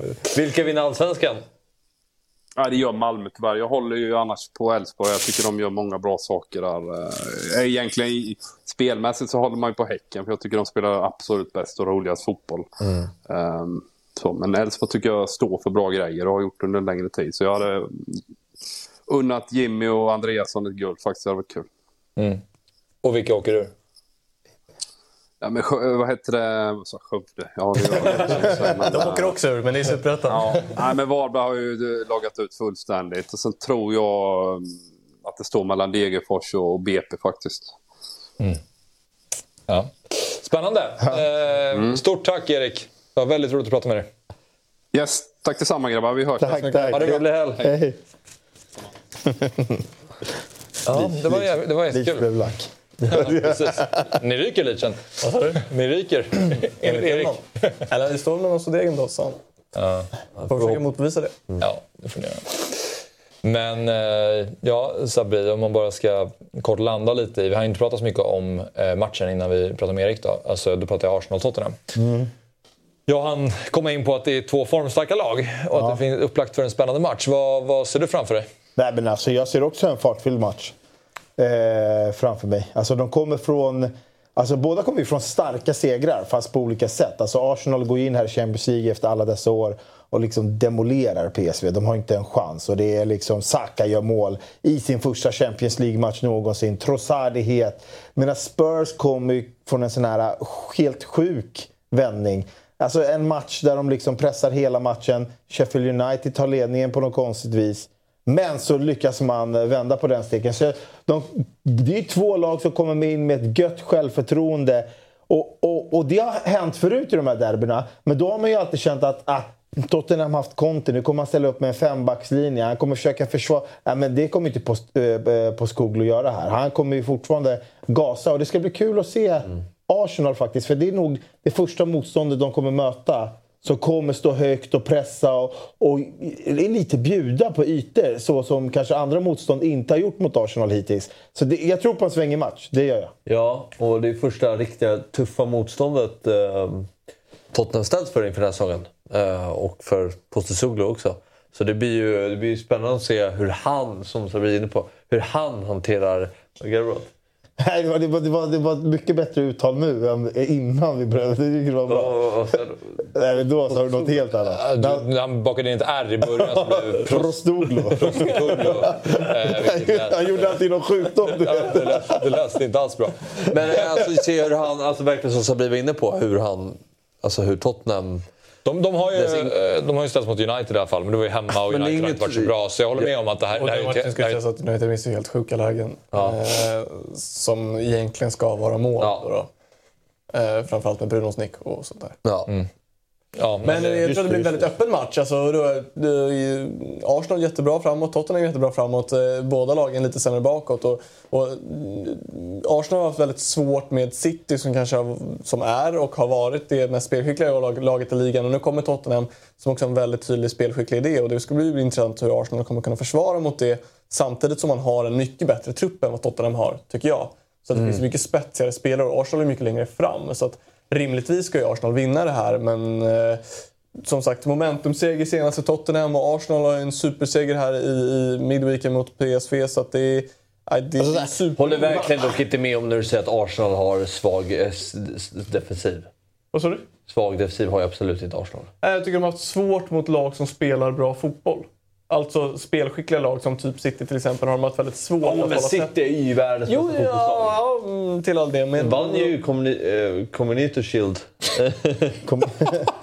Community Shield. Shit vad Community Shield. Ja, jo, men... eh, Och, och det är ju... Och Fan, det är ju kämpade med det uttalet. Ja, det är Ja, ju det- super inte på såklart. Jag glömde bort vad den hette först. Så har de inte mål i matchen, sista spark och sen är det straffar. Så att det är inte... Men alltså, det, det, det, jag tycker det ska bli kul att se eh, på Skoglo, hur han ställer upp. För alltså, Arsenal har mött idel bottenlag och så har de mött då, då United som ändå står lite lågt och försöker gå på omställningar. Det är ju inte riktigt Spurs spelstil. Så det, det ska bli kul att se Arsenal mot ett lag som kommer bjuda på ytor. Jag tror det blir åka av. Jag tror det Arsenal. Jag tror också det kan bli 5 Med det sagt, jag bara vara jättetydlig. Jag tycker Arsenal spelar jättebra och är ett väldigt bra fotbollslag och långt framme. Eh, så det ska bli en jätterolig match. Men jag tycker mig se att de har lite svårt mot lag som är så taktiskt drillade eh, som Tottenham är. Mm. Ehm, jag tänker så här att vi tar en eh, kort paus och sen ska vi prata mer om helgens höjdare för det är ju verkligen derbyhelg eh, den här fotbollshelgen. Och sen så ska vi gå in på Är det så fel att?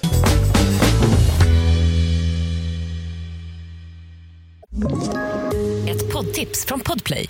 I podden Något Kaiko garanterar östgötarna Brutti och jag, Davva, dig en stor dos skratt.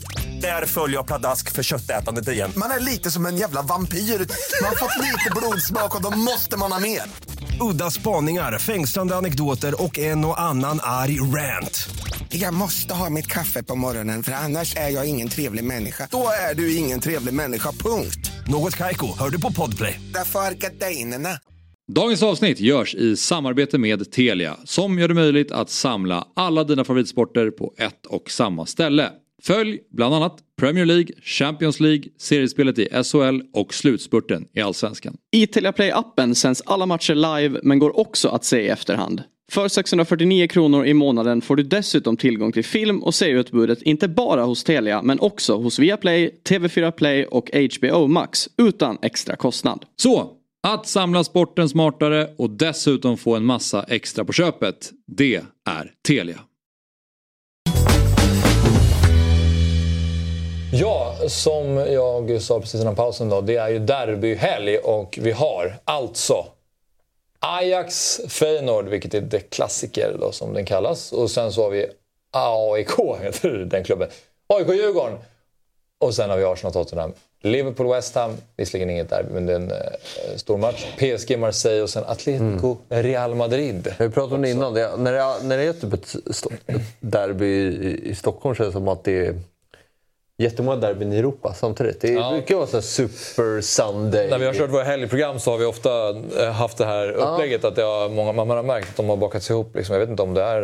Eh, eller det är väl en slump, men jag tror inte att de tänker på när, när AIK Djurgården Nej, när de, när de lägger Madrid-derbyt. Men, eh, Det känns som det har hänt fler än en gång. Liksom. Ja, jag håller med då blir det... Kanske finns någon algoritm här som eh, när man ska ha de bästa matcherna. Ja. Men du vet, alltså så här, just den här Ajax-Feyenoord-matchen. Jag kikade lite på Ajax-Marseille i Europa League häromveckan. Du också förvånansvärt dålig Ajax. Ja! Alltså, du vet, De är med här på helgens höjder. För att man, man, man tänker ju så här... de ah, rivstartade ju och sen... så bara- Tadic och gubbarna, men alltså, de har ju startat uselt i ligan. Och så Marseille, alltså Aubameyang såg ut som Messi. De vann alltså, inte ligan i fjol va? Eller förra säsongen? Nej, eftersom de spelar i Europa League så är det, uppenbarligen vann de ju inte. Ettan går ju direkt till Champions League. Ja, okej. Men, ja, det, det eh, så jag vet inte, alltså, det är ju på gränsen att de inte ska med till höjder. Men det, det, det, en, eh, det är ju en, en galen match sådär, lite supportermässigt. Liksom. Var, har inte du varit, var det det här du var på? Eller var det på Feyenoord Ajax? Eh, Feyenoord Ajax? Feyenoord Ajax var det. ja. Ja, På vilken Decay- galen på match. Decay. Ja, det blev typ, jag tror det blev 6-2. Robin van Persie gjorde hattrick för Feyenoord. Det var en Men, eh, helt okej stämning på Vi, alltså, visst, var, visst känner man inte igen eh, Ajax? Knappt en lirare Ajax och speciellt så spelar de inte the Ajax way någonstans. De har ju haft väldigt problem med tränare och sparkat sen Overmars var ju ute och hamnade i klaveret eller vad man ska säga så har ju klubben också med identitet tappat både tränare och ledare och Edwin van der Sar är väl inte ens kvar längre. Och så här. De har ju haft väldigt stor eh, personalomsättning vilket har gjort att man har kanske tappat lite Ajax identitet. De spelar ju verkligen inte kortpassningar och trianglar vad man fan vill kalla det. Utan det ser ut som vilket annat fotbollsgäng som helst. Och med det så har de ju alldeles för dåligt mittfält. De har ju varit Benjamin Tahirovic som ja, han är inte tillräckligt bra. Och sen så eh, eh, andra mittfältare som inte är liksom... Det är ju väldigt långt ifrån det här eh, Donny van der Beek, Frenkie de Jong och, och så vidare och så vidare där bollen bara gick som att de kan inte tappa boll. Liksom.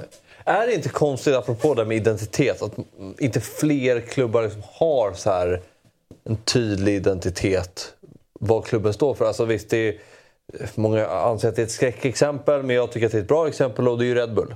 Alltså, våra klubbar ska spela som om eh, de har vingar. Det ska vara gå fort, det ska vara omställningsfotboll, vi ska ha, värva snabba spelare. Alltså man inte kommer högt ovanifrån. Så här ska vår klubb spela fotboll. Det här är vår identitet. Ajax har det som identitet, Barca har det som identitet. finns ju säkert... Ja, men det- Sa- Salzburg också har ju sin jävla åldersgrej också. Det var, de har ju den lägsta snittåldern i hela Ja, men det är ju. Ja, precis. Ja, ja men alltså... Att vi, det ska aldrig frångå det. Liksom. Ta Barcelona som exempel. Ja. Men att inte det, det finns liksom i st- stora klubbar i, i, i Europa. Ja, att de har en Alltså, identitet. fr, alltså från styrelsehåll Ja, säger vi. Menar du typ jämfört med Sverige då? Att det inte finns på samma sätt? Det, finns bara... ju, det finns ju inte heller bra i tillräcklig utsträckning. Men jag tänker att över så kommer det så här, det här, eller historien säger, det här är klubben. Och under det så rekryterar man rätt personer för att det Men här ska har, har inte ändå Real Madrid ändå lite det? Att det, är så här, eh, vad, vad, eh, it, det hade ju den här italienaren som vinner eh, ligan och får sparken för att... Ja, det är framförallt Vicente Lebosca fick ju sparken med annan ligan och Mourinho var ju inte kvar efter annan ligan med, med 100 poäng. Och eh, vet du, vad fan? Var det inte Capello som... Capello också. Capello. Capello menade jag. Capello också. Ja, men han får ju också sparken för att han... Och det var, var det Galacticos han hade? Eh, Han hade, han hade väl De Zidane ska och... väl alltid vara galax... Ja, jo, men du vet när, när de hade Zidane och så. Men det, det, det, var Men de vann ingenting. De, Men de sparkar ju för att han är dålig. Det är det jag menar med, liksom, med lite med Ten Hag liksom, som kommer in. Då blir allt ansvar på honom. Du ska förändra en hel klubb här. Mm. Och då blir också, eh, vi pratade lite om det Att det borde finnas en sköld, Men eller hierarkin blir ju fel då om du tar in en tränare som ska sätta strukturen för, för hans chefer. Ja. Eh, utan det ska ju som du säger, i, i den bästa världen ska du ha så här, den här typen av fotboll vi spelar. Så, som du säger, så anställer vi en tränare efter det och vi värvar spelare efter den här modellen. Det är ju Mm. det optimala. Och sen kan det ju vara så här att West Ham vill spela ett lågt block fasta som i Midtjylland och Brentford och så här. Man vill gå på den. Det spelar ingen roll vilken identitet eller vilken väg du tar. Utan det handlar om att du vill ha en röd linje genom klubben.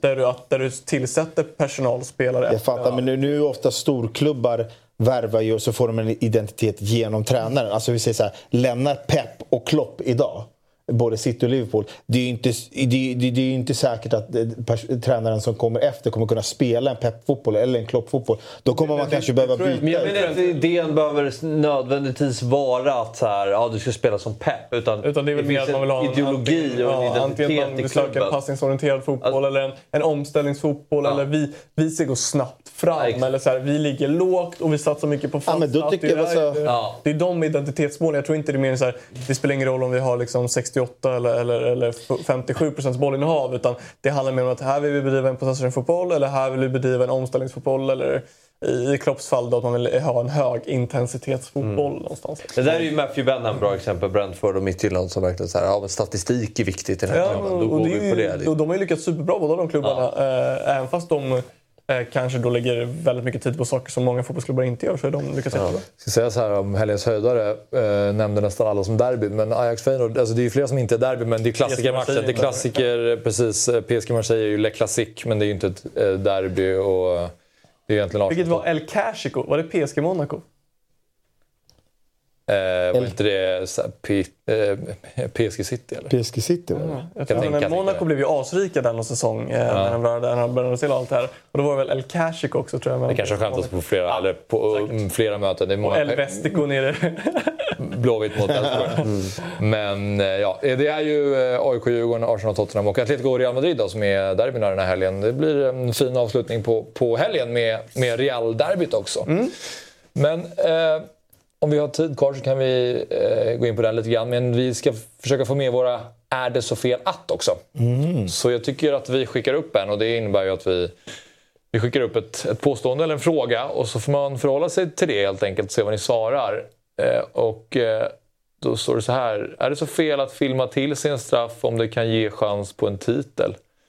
Jag tycker man kan... En titel, är det chans till mål? Det- Ja, det precis. Man, jag fel. Tycker titeln kanske inte ens behövs. Det kan bara vara, är det så fel att eh, filma till sin straff? Eller är det för att filma? Nej. Ja. Det är nog spelet. Men vadå? Så, äh, vänta nu, vänta nu. Okej. Alltså, jag är supporter, du är ändå spelare. Alltså, du, du tycker att det är helt okej då? Jag- Jag kan bara tänka mig om du möter ett lag där en spelare filmar och kastar sig hela tiden och domaren blåser frispark, han blåser straff, han blåser allt. Du kommer inte bara fan det, det är lugnt, för du gör det här för ditt lags skull. Du skulle hata han. Det är klart. Men fortfarande så är det helt rätt. Gör du samma sak i så fall?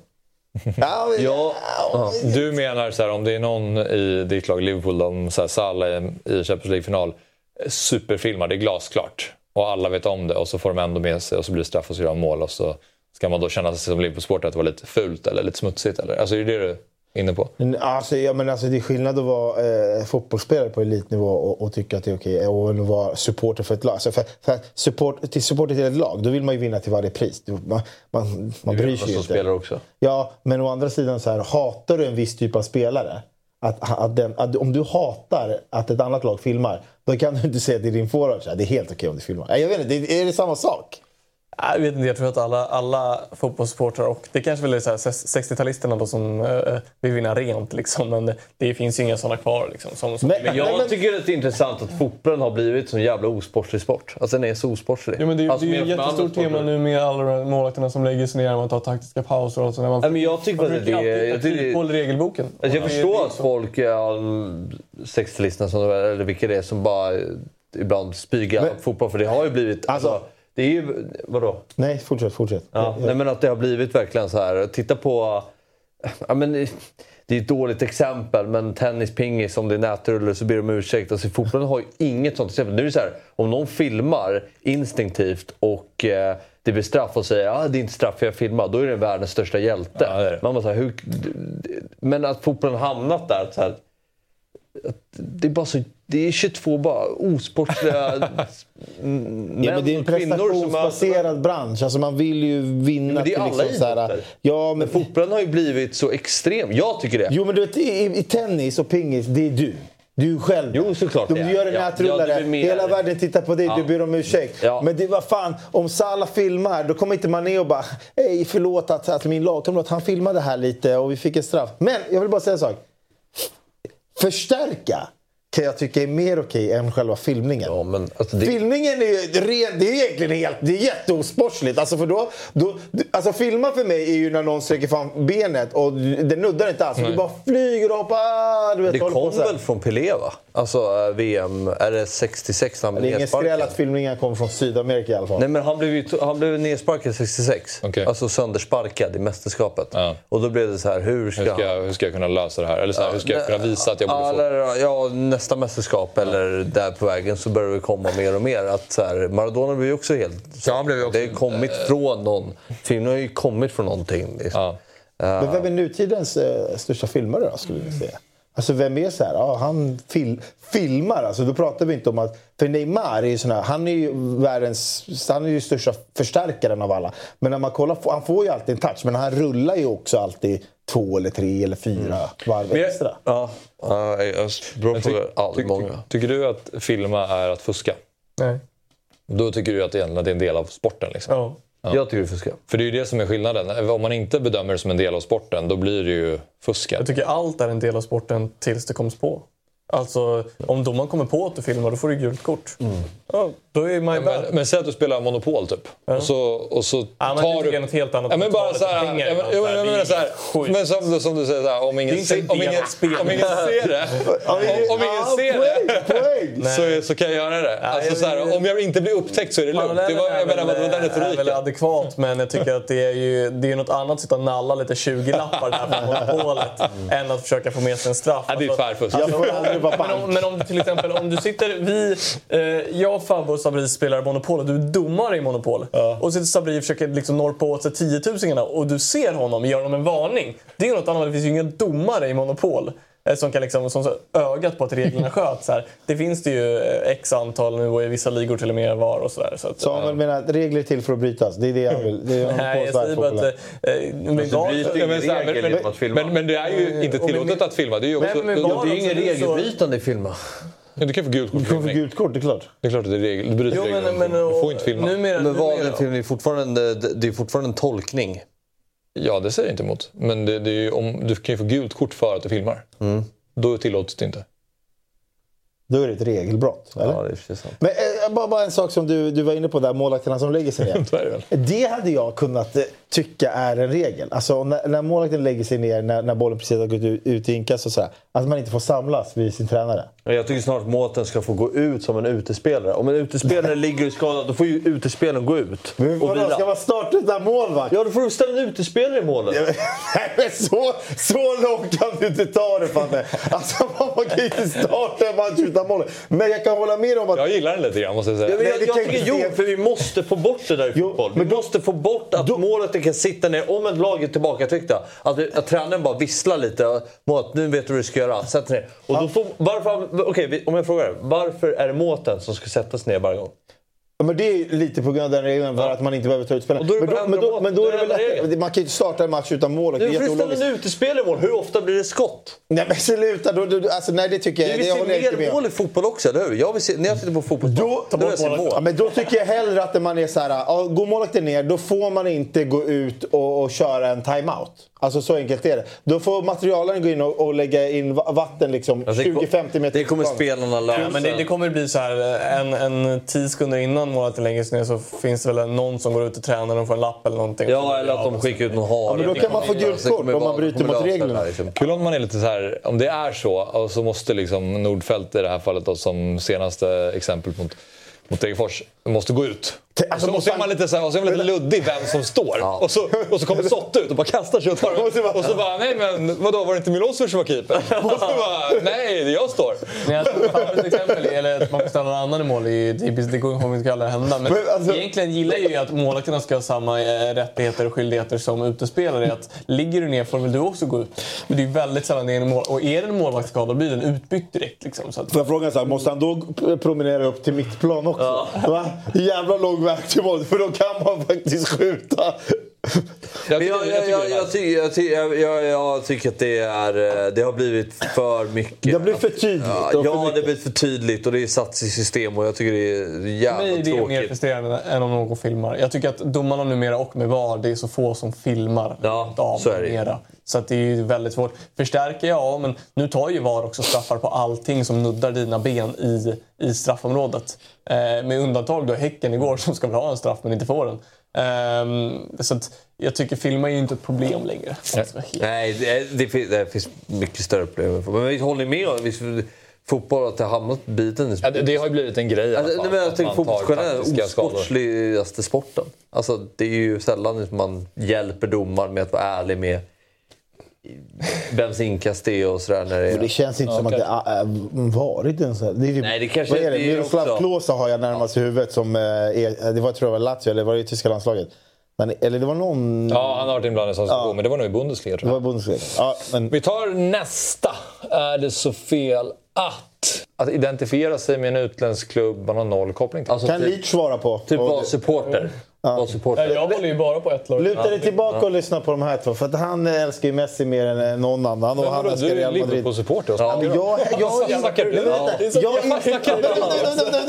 du? måste, nej, måste jag lägga in en liten timeout som Gide skulle sagt. Eh, jag, ni är värre. Alltså, ni, ni håller på Barca och Real på en helt extremt Nej.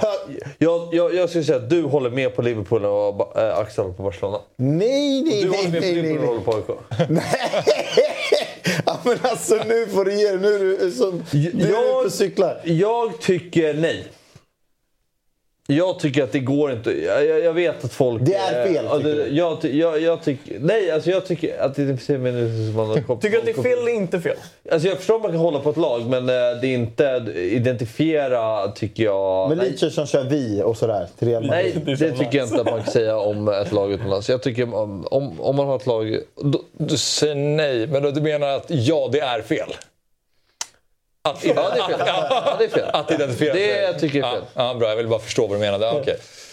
Eh, ja, Alltså men noll koppling, så men, då är det väl verkligen så här... Men det är väl noll geografisk koppling? Eller vadå? Det är ju det som de menar. Noll koppling, vad är det då? Alltså, det är ju att man inte bor i den staden man är på laget. Ja, men, det är- precis, men det är väl tydligt att man, är så här, man kanske växer upp i en stad, man, man går på matcherna, man läser. Så här. Ja men alltså typ såhär, nej men jag är helt ärlig. Alltså jag, alltså, jag kan inte identifiera mig. fotbollsälskare så här, hur många- i Indien och Det beror på hur många gånger du har varit, tycker Ja, jag. Så här, men alltså, hur ofta åker de du på är- är matcherna?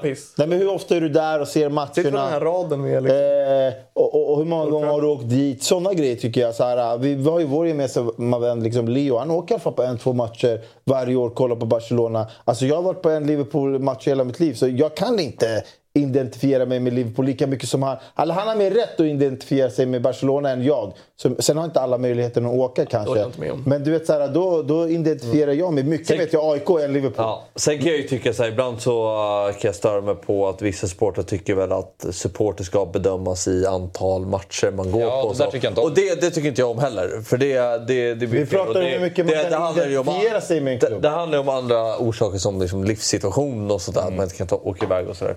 Men eh, just utlandsklubb, jag har ju alltid varit lite så här. Det är, eh, man kan hålla på en klubb utomlands men det är inte samma som att hålla på en klubb från det som... Men jag har ju gått mer åt det hållet också. Alltså, så här, f- jag började hålla på Barcelona när jag var liten för att jag kollade på, på TV4 Plus och såg Ronaldinho spela fotboll och tyckte att han var eh, ascool. Och så här, det var inte svårare än så. Och sen så åkte man till Barcelona med, med familjen och gick på Camp Nou och så var det häftigt. Liksom. Alltså, det blir ju så. Sen nu när man, liksom, när man är en vuxen person så känns det så här har ingen koppling dit Nej. överhuvudtaget. Det är inte heller Alltså, samma lag säga- som man växte nej, upp med. Man tappar ju den och då är det mycket mer... Går ju så här. Ja, när, och det tror jag även för er som håller på svenska klubbar gör. Men, men att, att vissa, vissa upplagor tycker man ju mer om än andra. Alltså det är inte så att jag sitter och nödvändigtvis älskar den här upplagan av Real Madrid. Men jag sitter och kollar varje match och tycker att det som händer runt om i klubben är intressant och sådär. Och, när de spelar bra fotboll blir jag glad och ska jag bli jättefrustrerad när de spelar dålig fotboll. Men, men, eh, men supporterskapet går upp och ner och, och man upplever vissa pikar och vissa mindre pikar. Min, peak var ju när jag satt här i Watchalong. Liksom den Champions League-våren var ju det bästa jag gjort på länge. Liksom, att få se så sjuka grejer för det laget jag hejar på. Då, då ställs jag på sin spets. Speciellt på att sitta med andra i en stu, studio som i det här fallet som liksom, eh, håller på ett annat lag. Eller så, det är ju kul, då blir det ju hett sen. Nej. Men när jag sitter hemma och så ligger min tjej och sover bredvid mig. Liksom, då, det, är, det är inte samma sak såklart som att man Mm. Cadiz hemma. Men jag sitter där och kollar och jag, jag vill att de ska vinna. Sen tycker jag det är svårt, så här, du var inne på hur man graderar supporterskap. Det tycker jag är svårt. Sen är det klart att man kan bli prov- provocerad av- om man följer en klubb väldigt nära och man går på matcher och man ser och så pratar man med någon annan som, som ska komma med åsikter som kanske inte har alls lika bra koll. Då blir man ju irriterad. Här, fan, Och sen vad är, det- vad är inte. supporterskap? För det är ju, supporterskap det är betyder ju olika Exakt. för um, människor. Alltså, Ja, men vissa det är tycker känslor. Ja, men vissa är ju, Känslor. vissa är ju ti- titlar viktigt. För, för andra betyder inte titlar någonting. Nej. Alltså, jag tycker ju det är mer och mer sekundärt. Eh, Jag tycker ju gemenskapen är det roligaste. Mm. Det är ju som med dina kompisar. Alltså, det, det, det skiljer sig så mycket från person till person. Men alltså, det, det, alltså om jag bara äh, refererar till mig själv, alltså med AIK och Liverpool. Det är så här, jag hejar ju på båda lagen, men jag får helt olika känslor. Både när jag tittar på, klubb, på laget spela och speciellt typ om de förlorar. Det, det kan vara en besvikelse. Alltså jag kan bli besviken på Liverpool, men med AIK kan jag verkligen bli liksom ledsen eh, och arg. Men då är, du, då är ditt supporterskap präglat av resultat och eh, matcher. Ja, men det, det är bara känslorna jag får. Jag kan inte styra mina känslor. Alltså, så här, Fast det, kan ju vara både, det kan ju vara både och. Man är väl så nära klubben också att om det går dåligt så blir man Jo, men, men, det. men, Det är eh, svårt, du har barndomsvänner som spelar... Alltså, hur, ja, det är omöjligt för mig att känna mer för Liverpool än för AIK. Men det var inte det jag menade. Han menar bara Nej, jag vad, menar vad du har för typ av supporterskap. då. Alltså, då tog du upp exemplet att alltså, när lagen förlorar, lagen vinner. Alltså, det, att det är det, alltså, jag tänkte att det var det som Ja, men jag, definierade går, ditt jag går lite på vad jag får för känslor när jag tittar på klubben vare sig när de vinner och inte. Och sen har jag ju olika förväntningar på dem för att de kommer från helt olika Och du bakgrund. får ju starkare koppling förmodligen till eh, AIK för att du är närmare och som du säger, du har vänner Ja, det- och sådär. alltså- Alltså, det är, ju- det är Det är därför ju- du är längre ifrån. Det är ju uppenbart. Alltså, så här. Ja. Eh, Vi tar det sista innan vi avslutar eh, Fotbollsmorgon lördag. Är det så fel att tycka att en tränares storhet inte ska bedömas efter antal titlar? Vi satt och pratade om det här precis innan. Är det ditt bidrag här? Nej, det vet det säger jag inte. Du, men det började väl med att Fabbe... Det luktar Fabbe. Nej, jag ska... Okej, men jag kan studsa på det vi pratade om innan, för det är i alla fall eh, kopplat till det här. Ja. Fabbe frågade mig om eh, jag tyckte att De Serbi var världens bästa fotbollstränare. Jag sa att det är svårt att bedöma eh, för att jag tycker så här, han, har, han har varit väldigt bra i, i de klubbar han har varit men än så länge så har han inte så här, bevisat någonting på det sättet i och med att han inte vunnit någon titel och sådär. Men sen så håller jag, för så, då var du så här, men vadå, man måste vinna en titel för att bevisa att man är en bra fotbollstränare och, och det kan jag ju hålla med om men om du ska prata om världens bästa fotbollstränare och så har man Pep Guardiola på andra sidan som har sitt CV så är det ju klart att det är svårt att slå det tycker jag. Ja. ja, men nu är det ju... Nu står det ju storhet. Och eh, Mm. jag kan väl tycka att det finns... Alltså Guardiola tycker jag har lyckats med två saker. Han har dels förändrat fotbollen. Mm. Dels har han vunnit en jävla massa titlar på det. Mm. Eh, och, eh, men tar du Ancelotti. En av de mest framgångsrika tränarna någonsin. Mm. Vunnit mängder med titlar. Varit jättebra för flera olika klubbar. Men hur mycket har han liksom förändrat eh, fotbollen? Alltså det finns ju pionjärer inom fotbollen. Alltså man pratar om, alltså, eh, pratar mycket om Wengers, det här att han eh, när han kom till Arsenal, han, fun, alltså, han förändrade en hel fotboll i England. Liksom, hur man såg på kost och träning och sådär. Mm. Cruyff såklart med... Bielsa är väl också en sån som många... Ja men Bielsa är ju, där är ju någon som verkligen är ju kanske ingen som lyckats ha vunn, vi- Han har inte vunnit Han så är en mycket. visionär. Han är visionär. Eh, och nu är ju De Serbi där just nu. Sen tror jag att De Serbi kommer vinna titlar. Men han är ju där just nu där han, han förändrar ju mycket fotbollen just nu. Han inspirerar väldigt många där ute. Ja, just det, ja. Ja, nu pratar du verkligen storhet då. Han har en storhet i det. Att man kan, du kan gå och kolla Norrtull.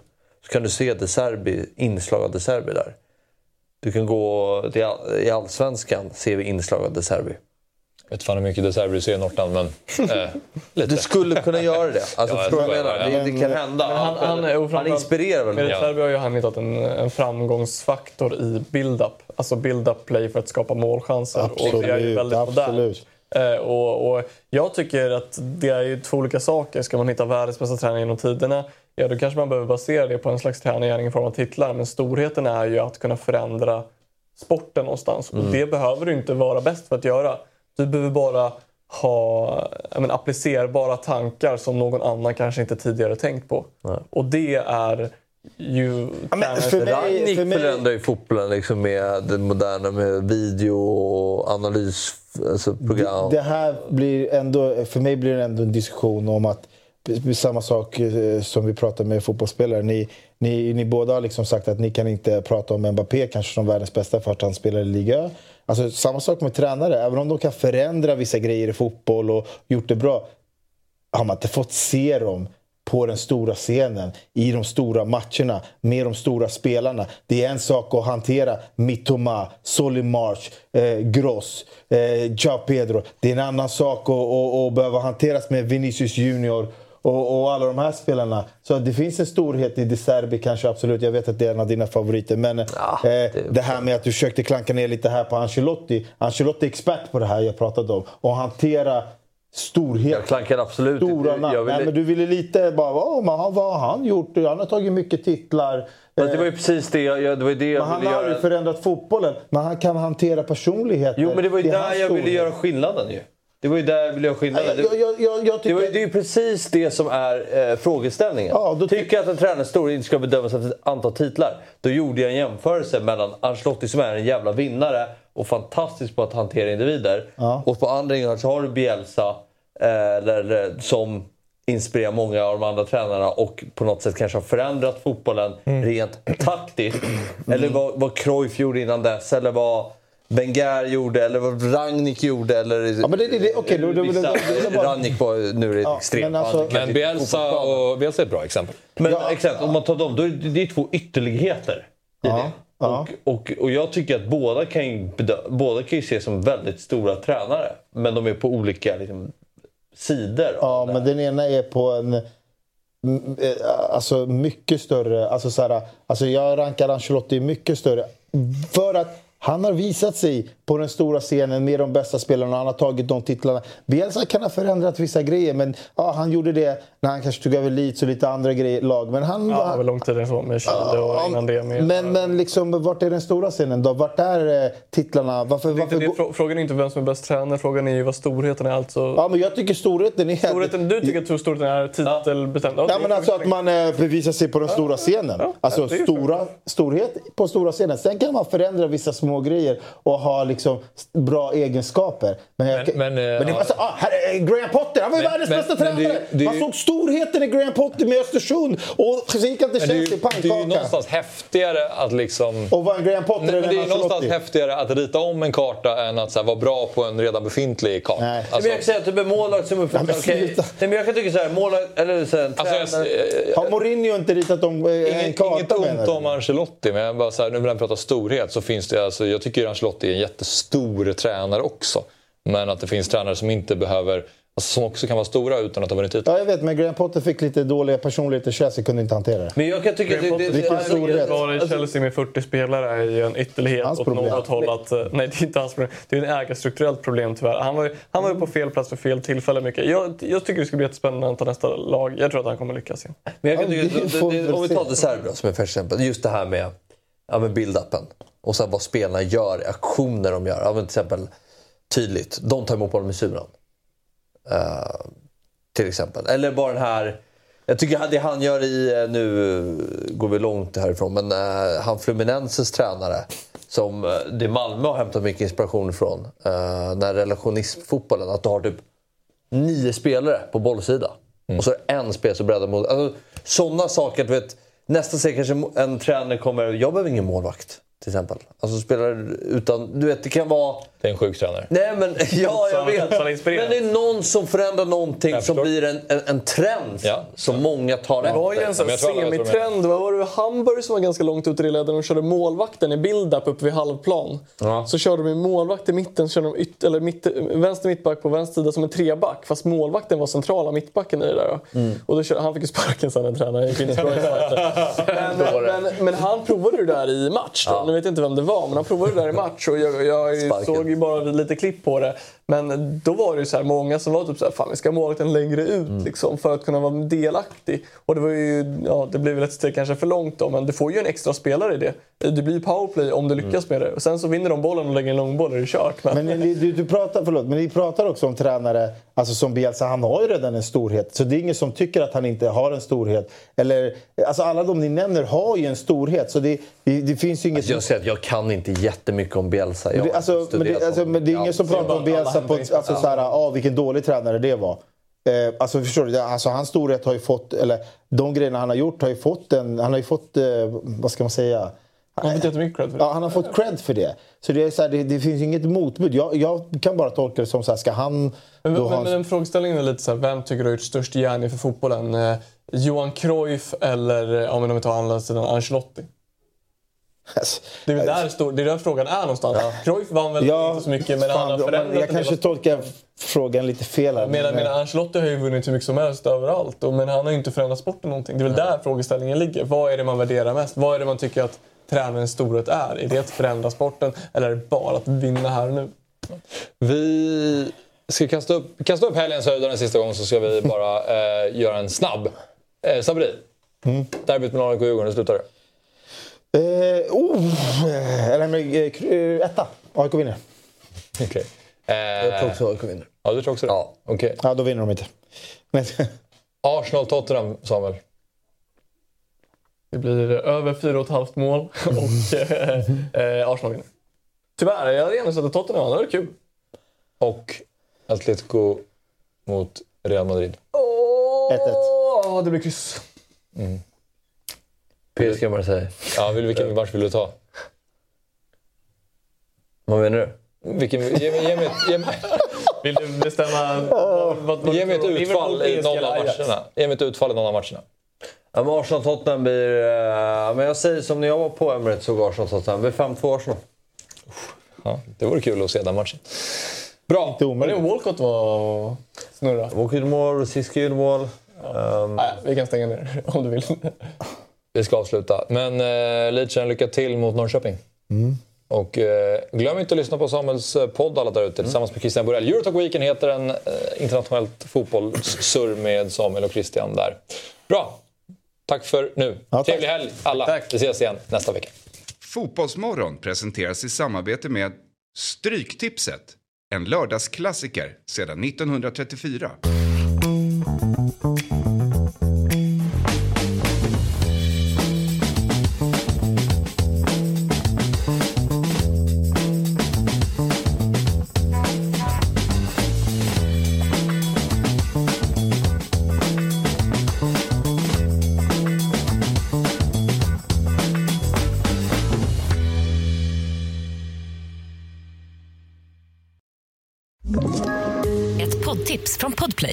I podden Något Kaiko garanterar östgötarna Brutti och jag, Davva, dig en stor dos skratt. Där följer jag pladask för köttätandet igen. Man är lite som en jävla vampyr. Man har fått lite blodsmak och då måste man ha mer. Udda spaningar, fängslande anekdoter och en och annan arg rant. Jag måste ha mitt kaffe på morgonen för annars är jag ingen trevlig människa. Då är du ingen trevlig människa, punkt. Något Kaiko, hör du på Podplay. Därför arkadeinerna.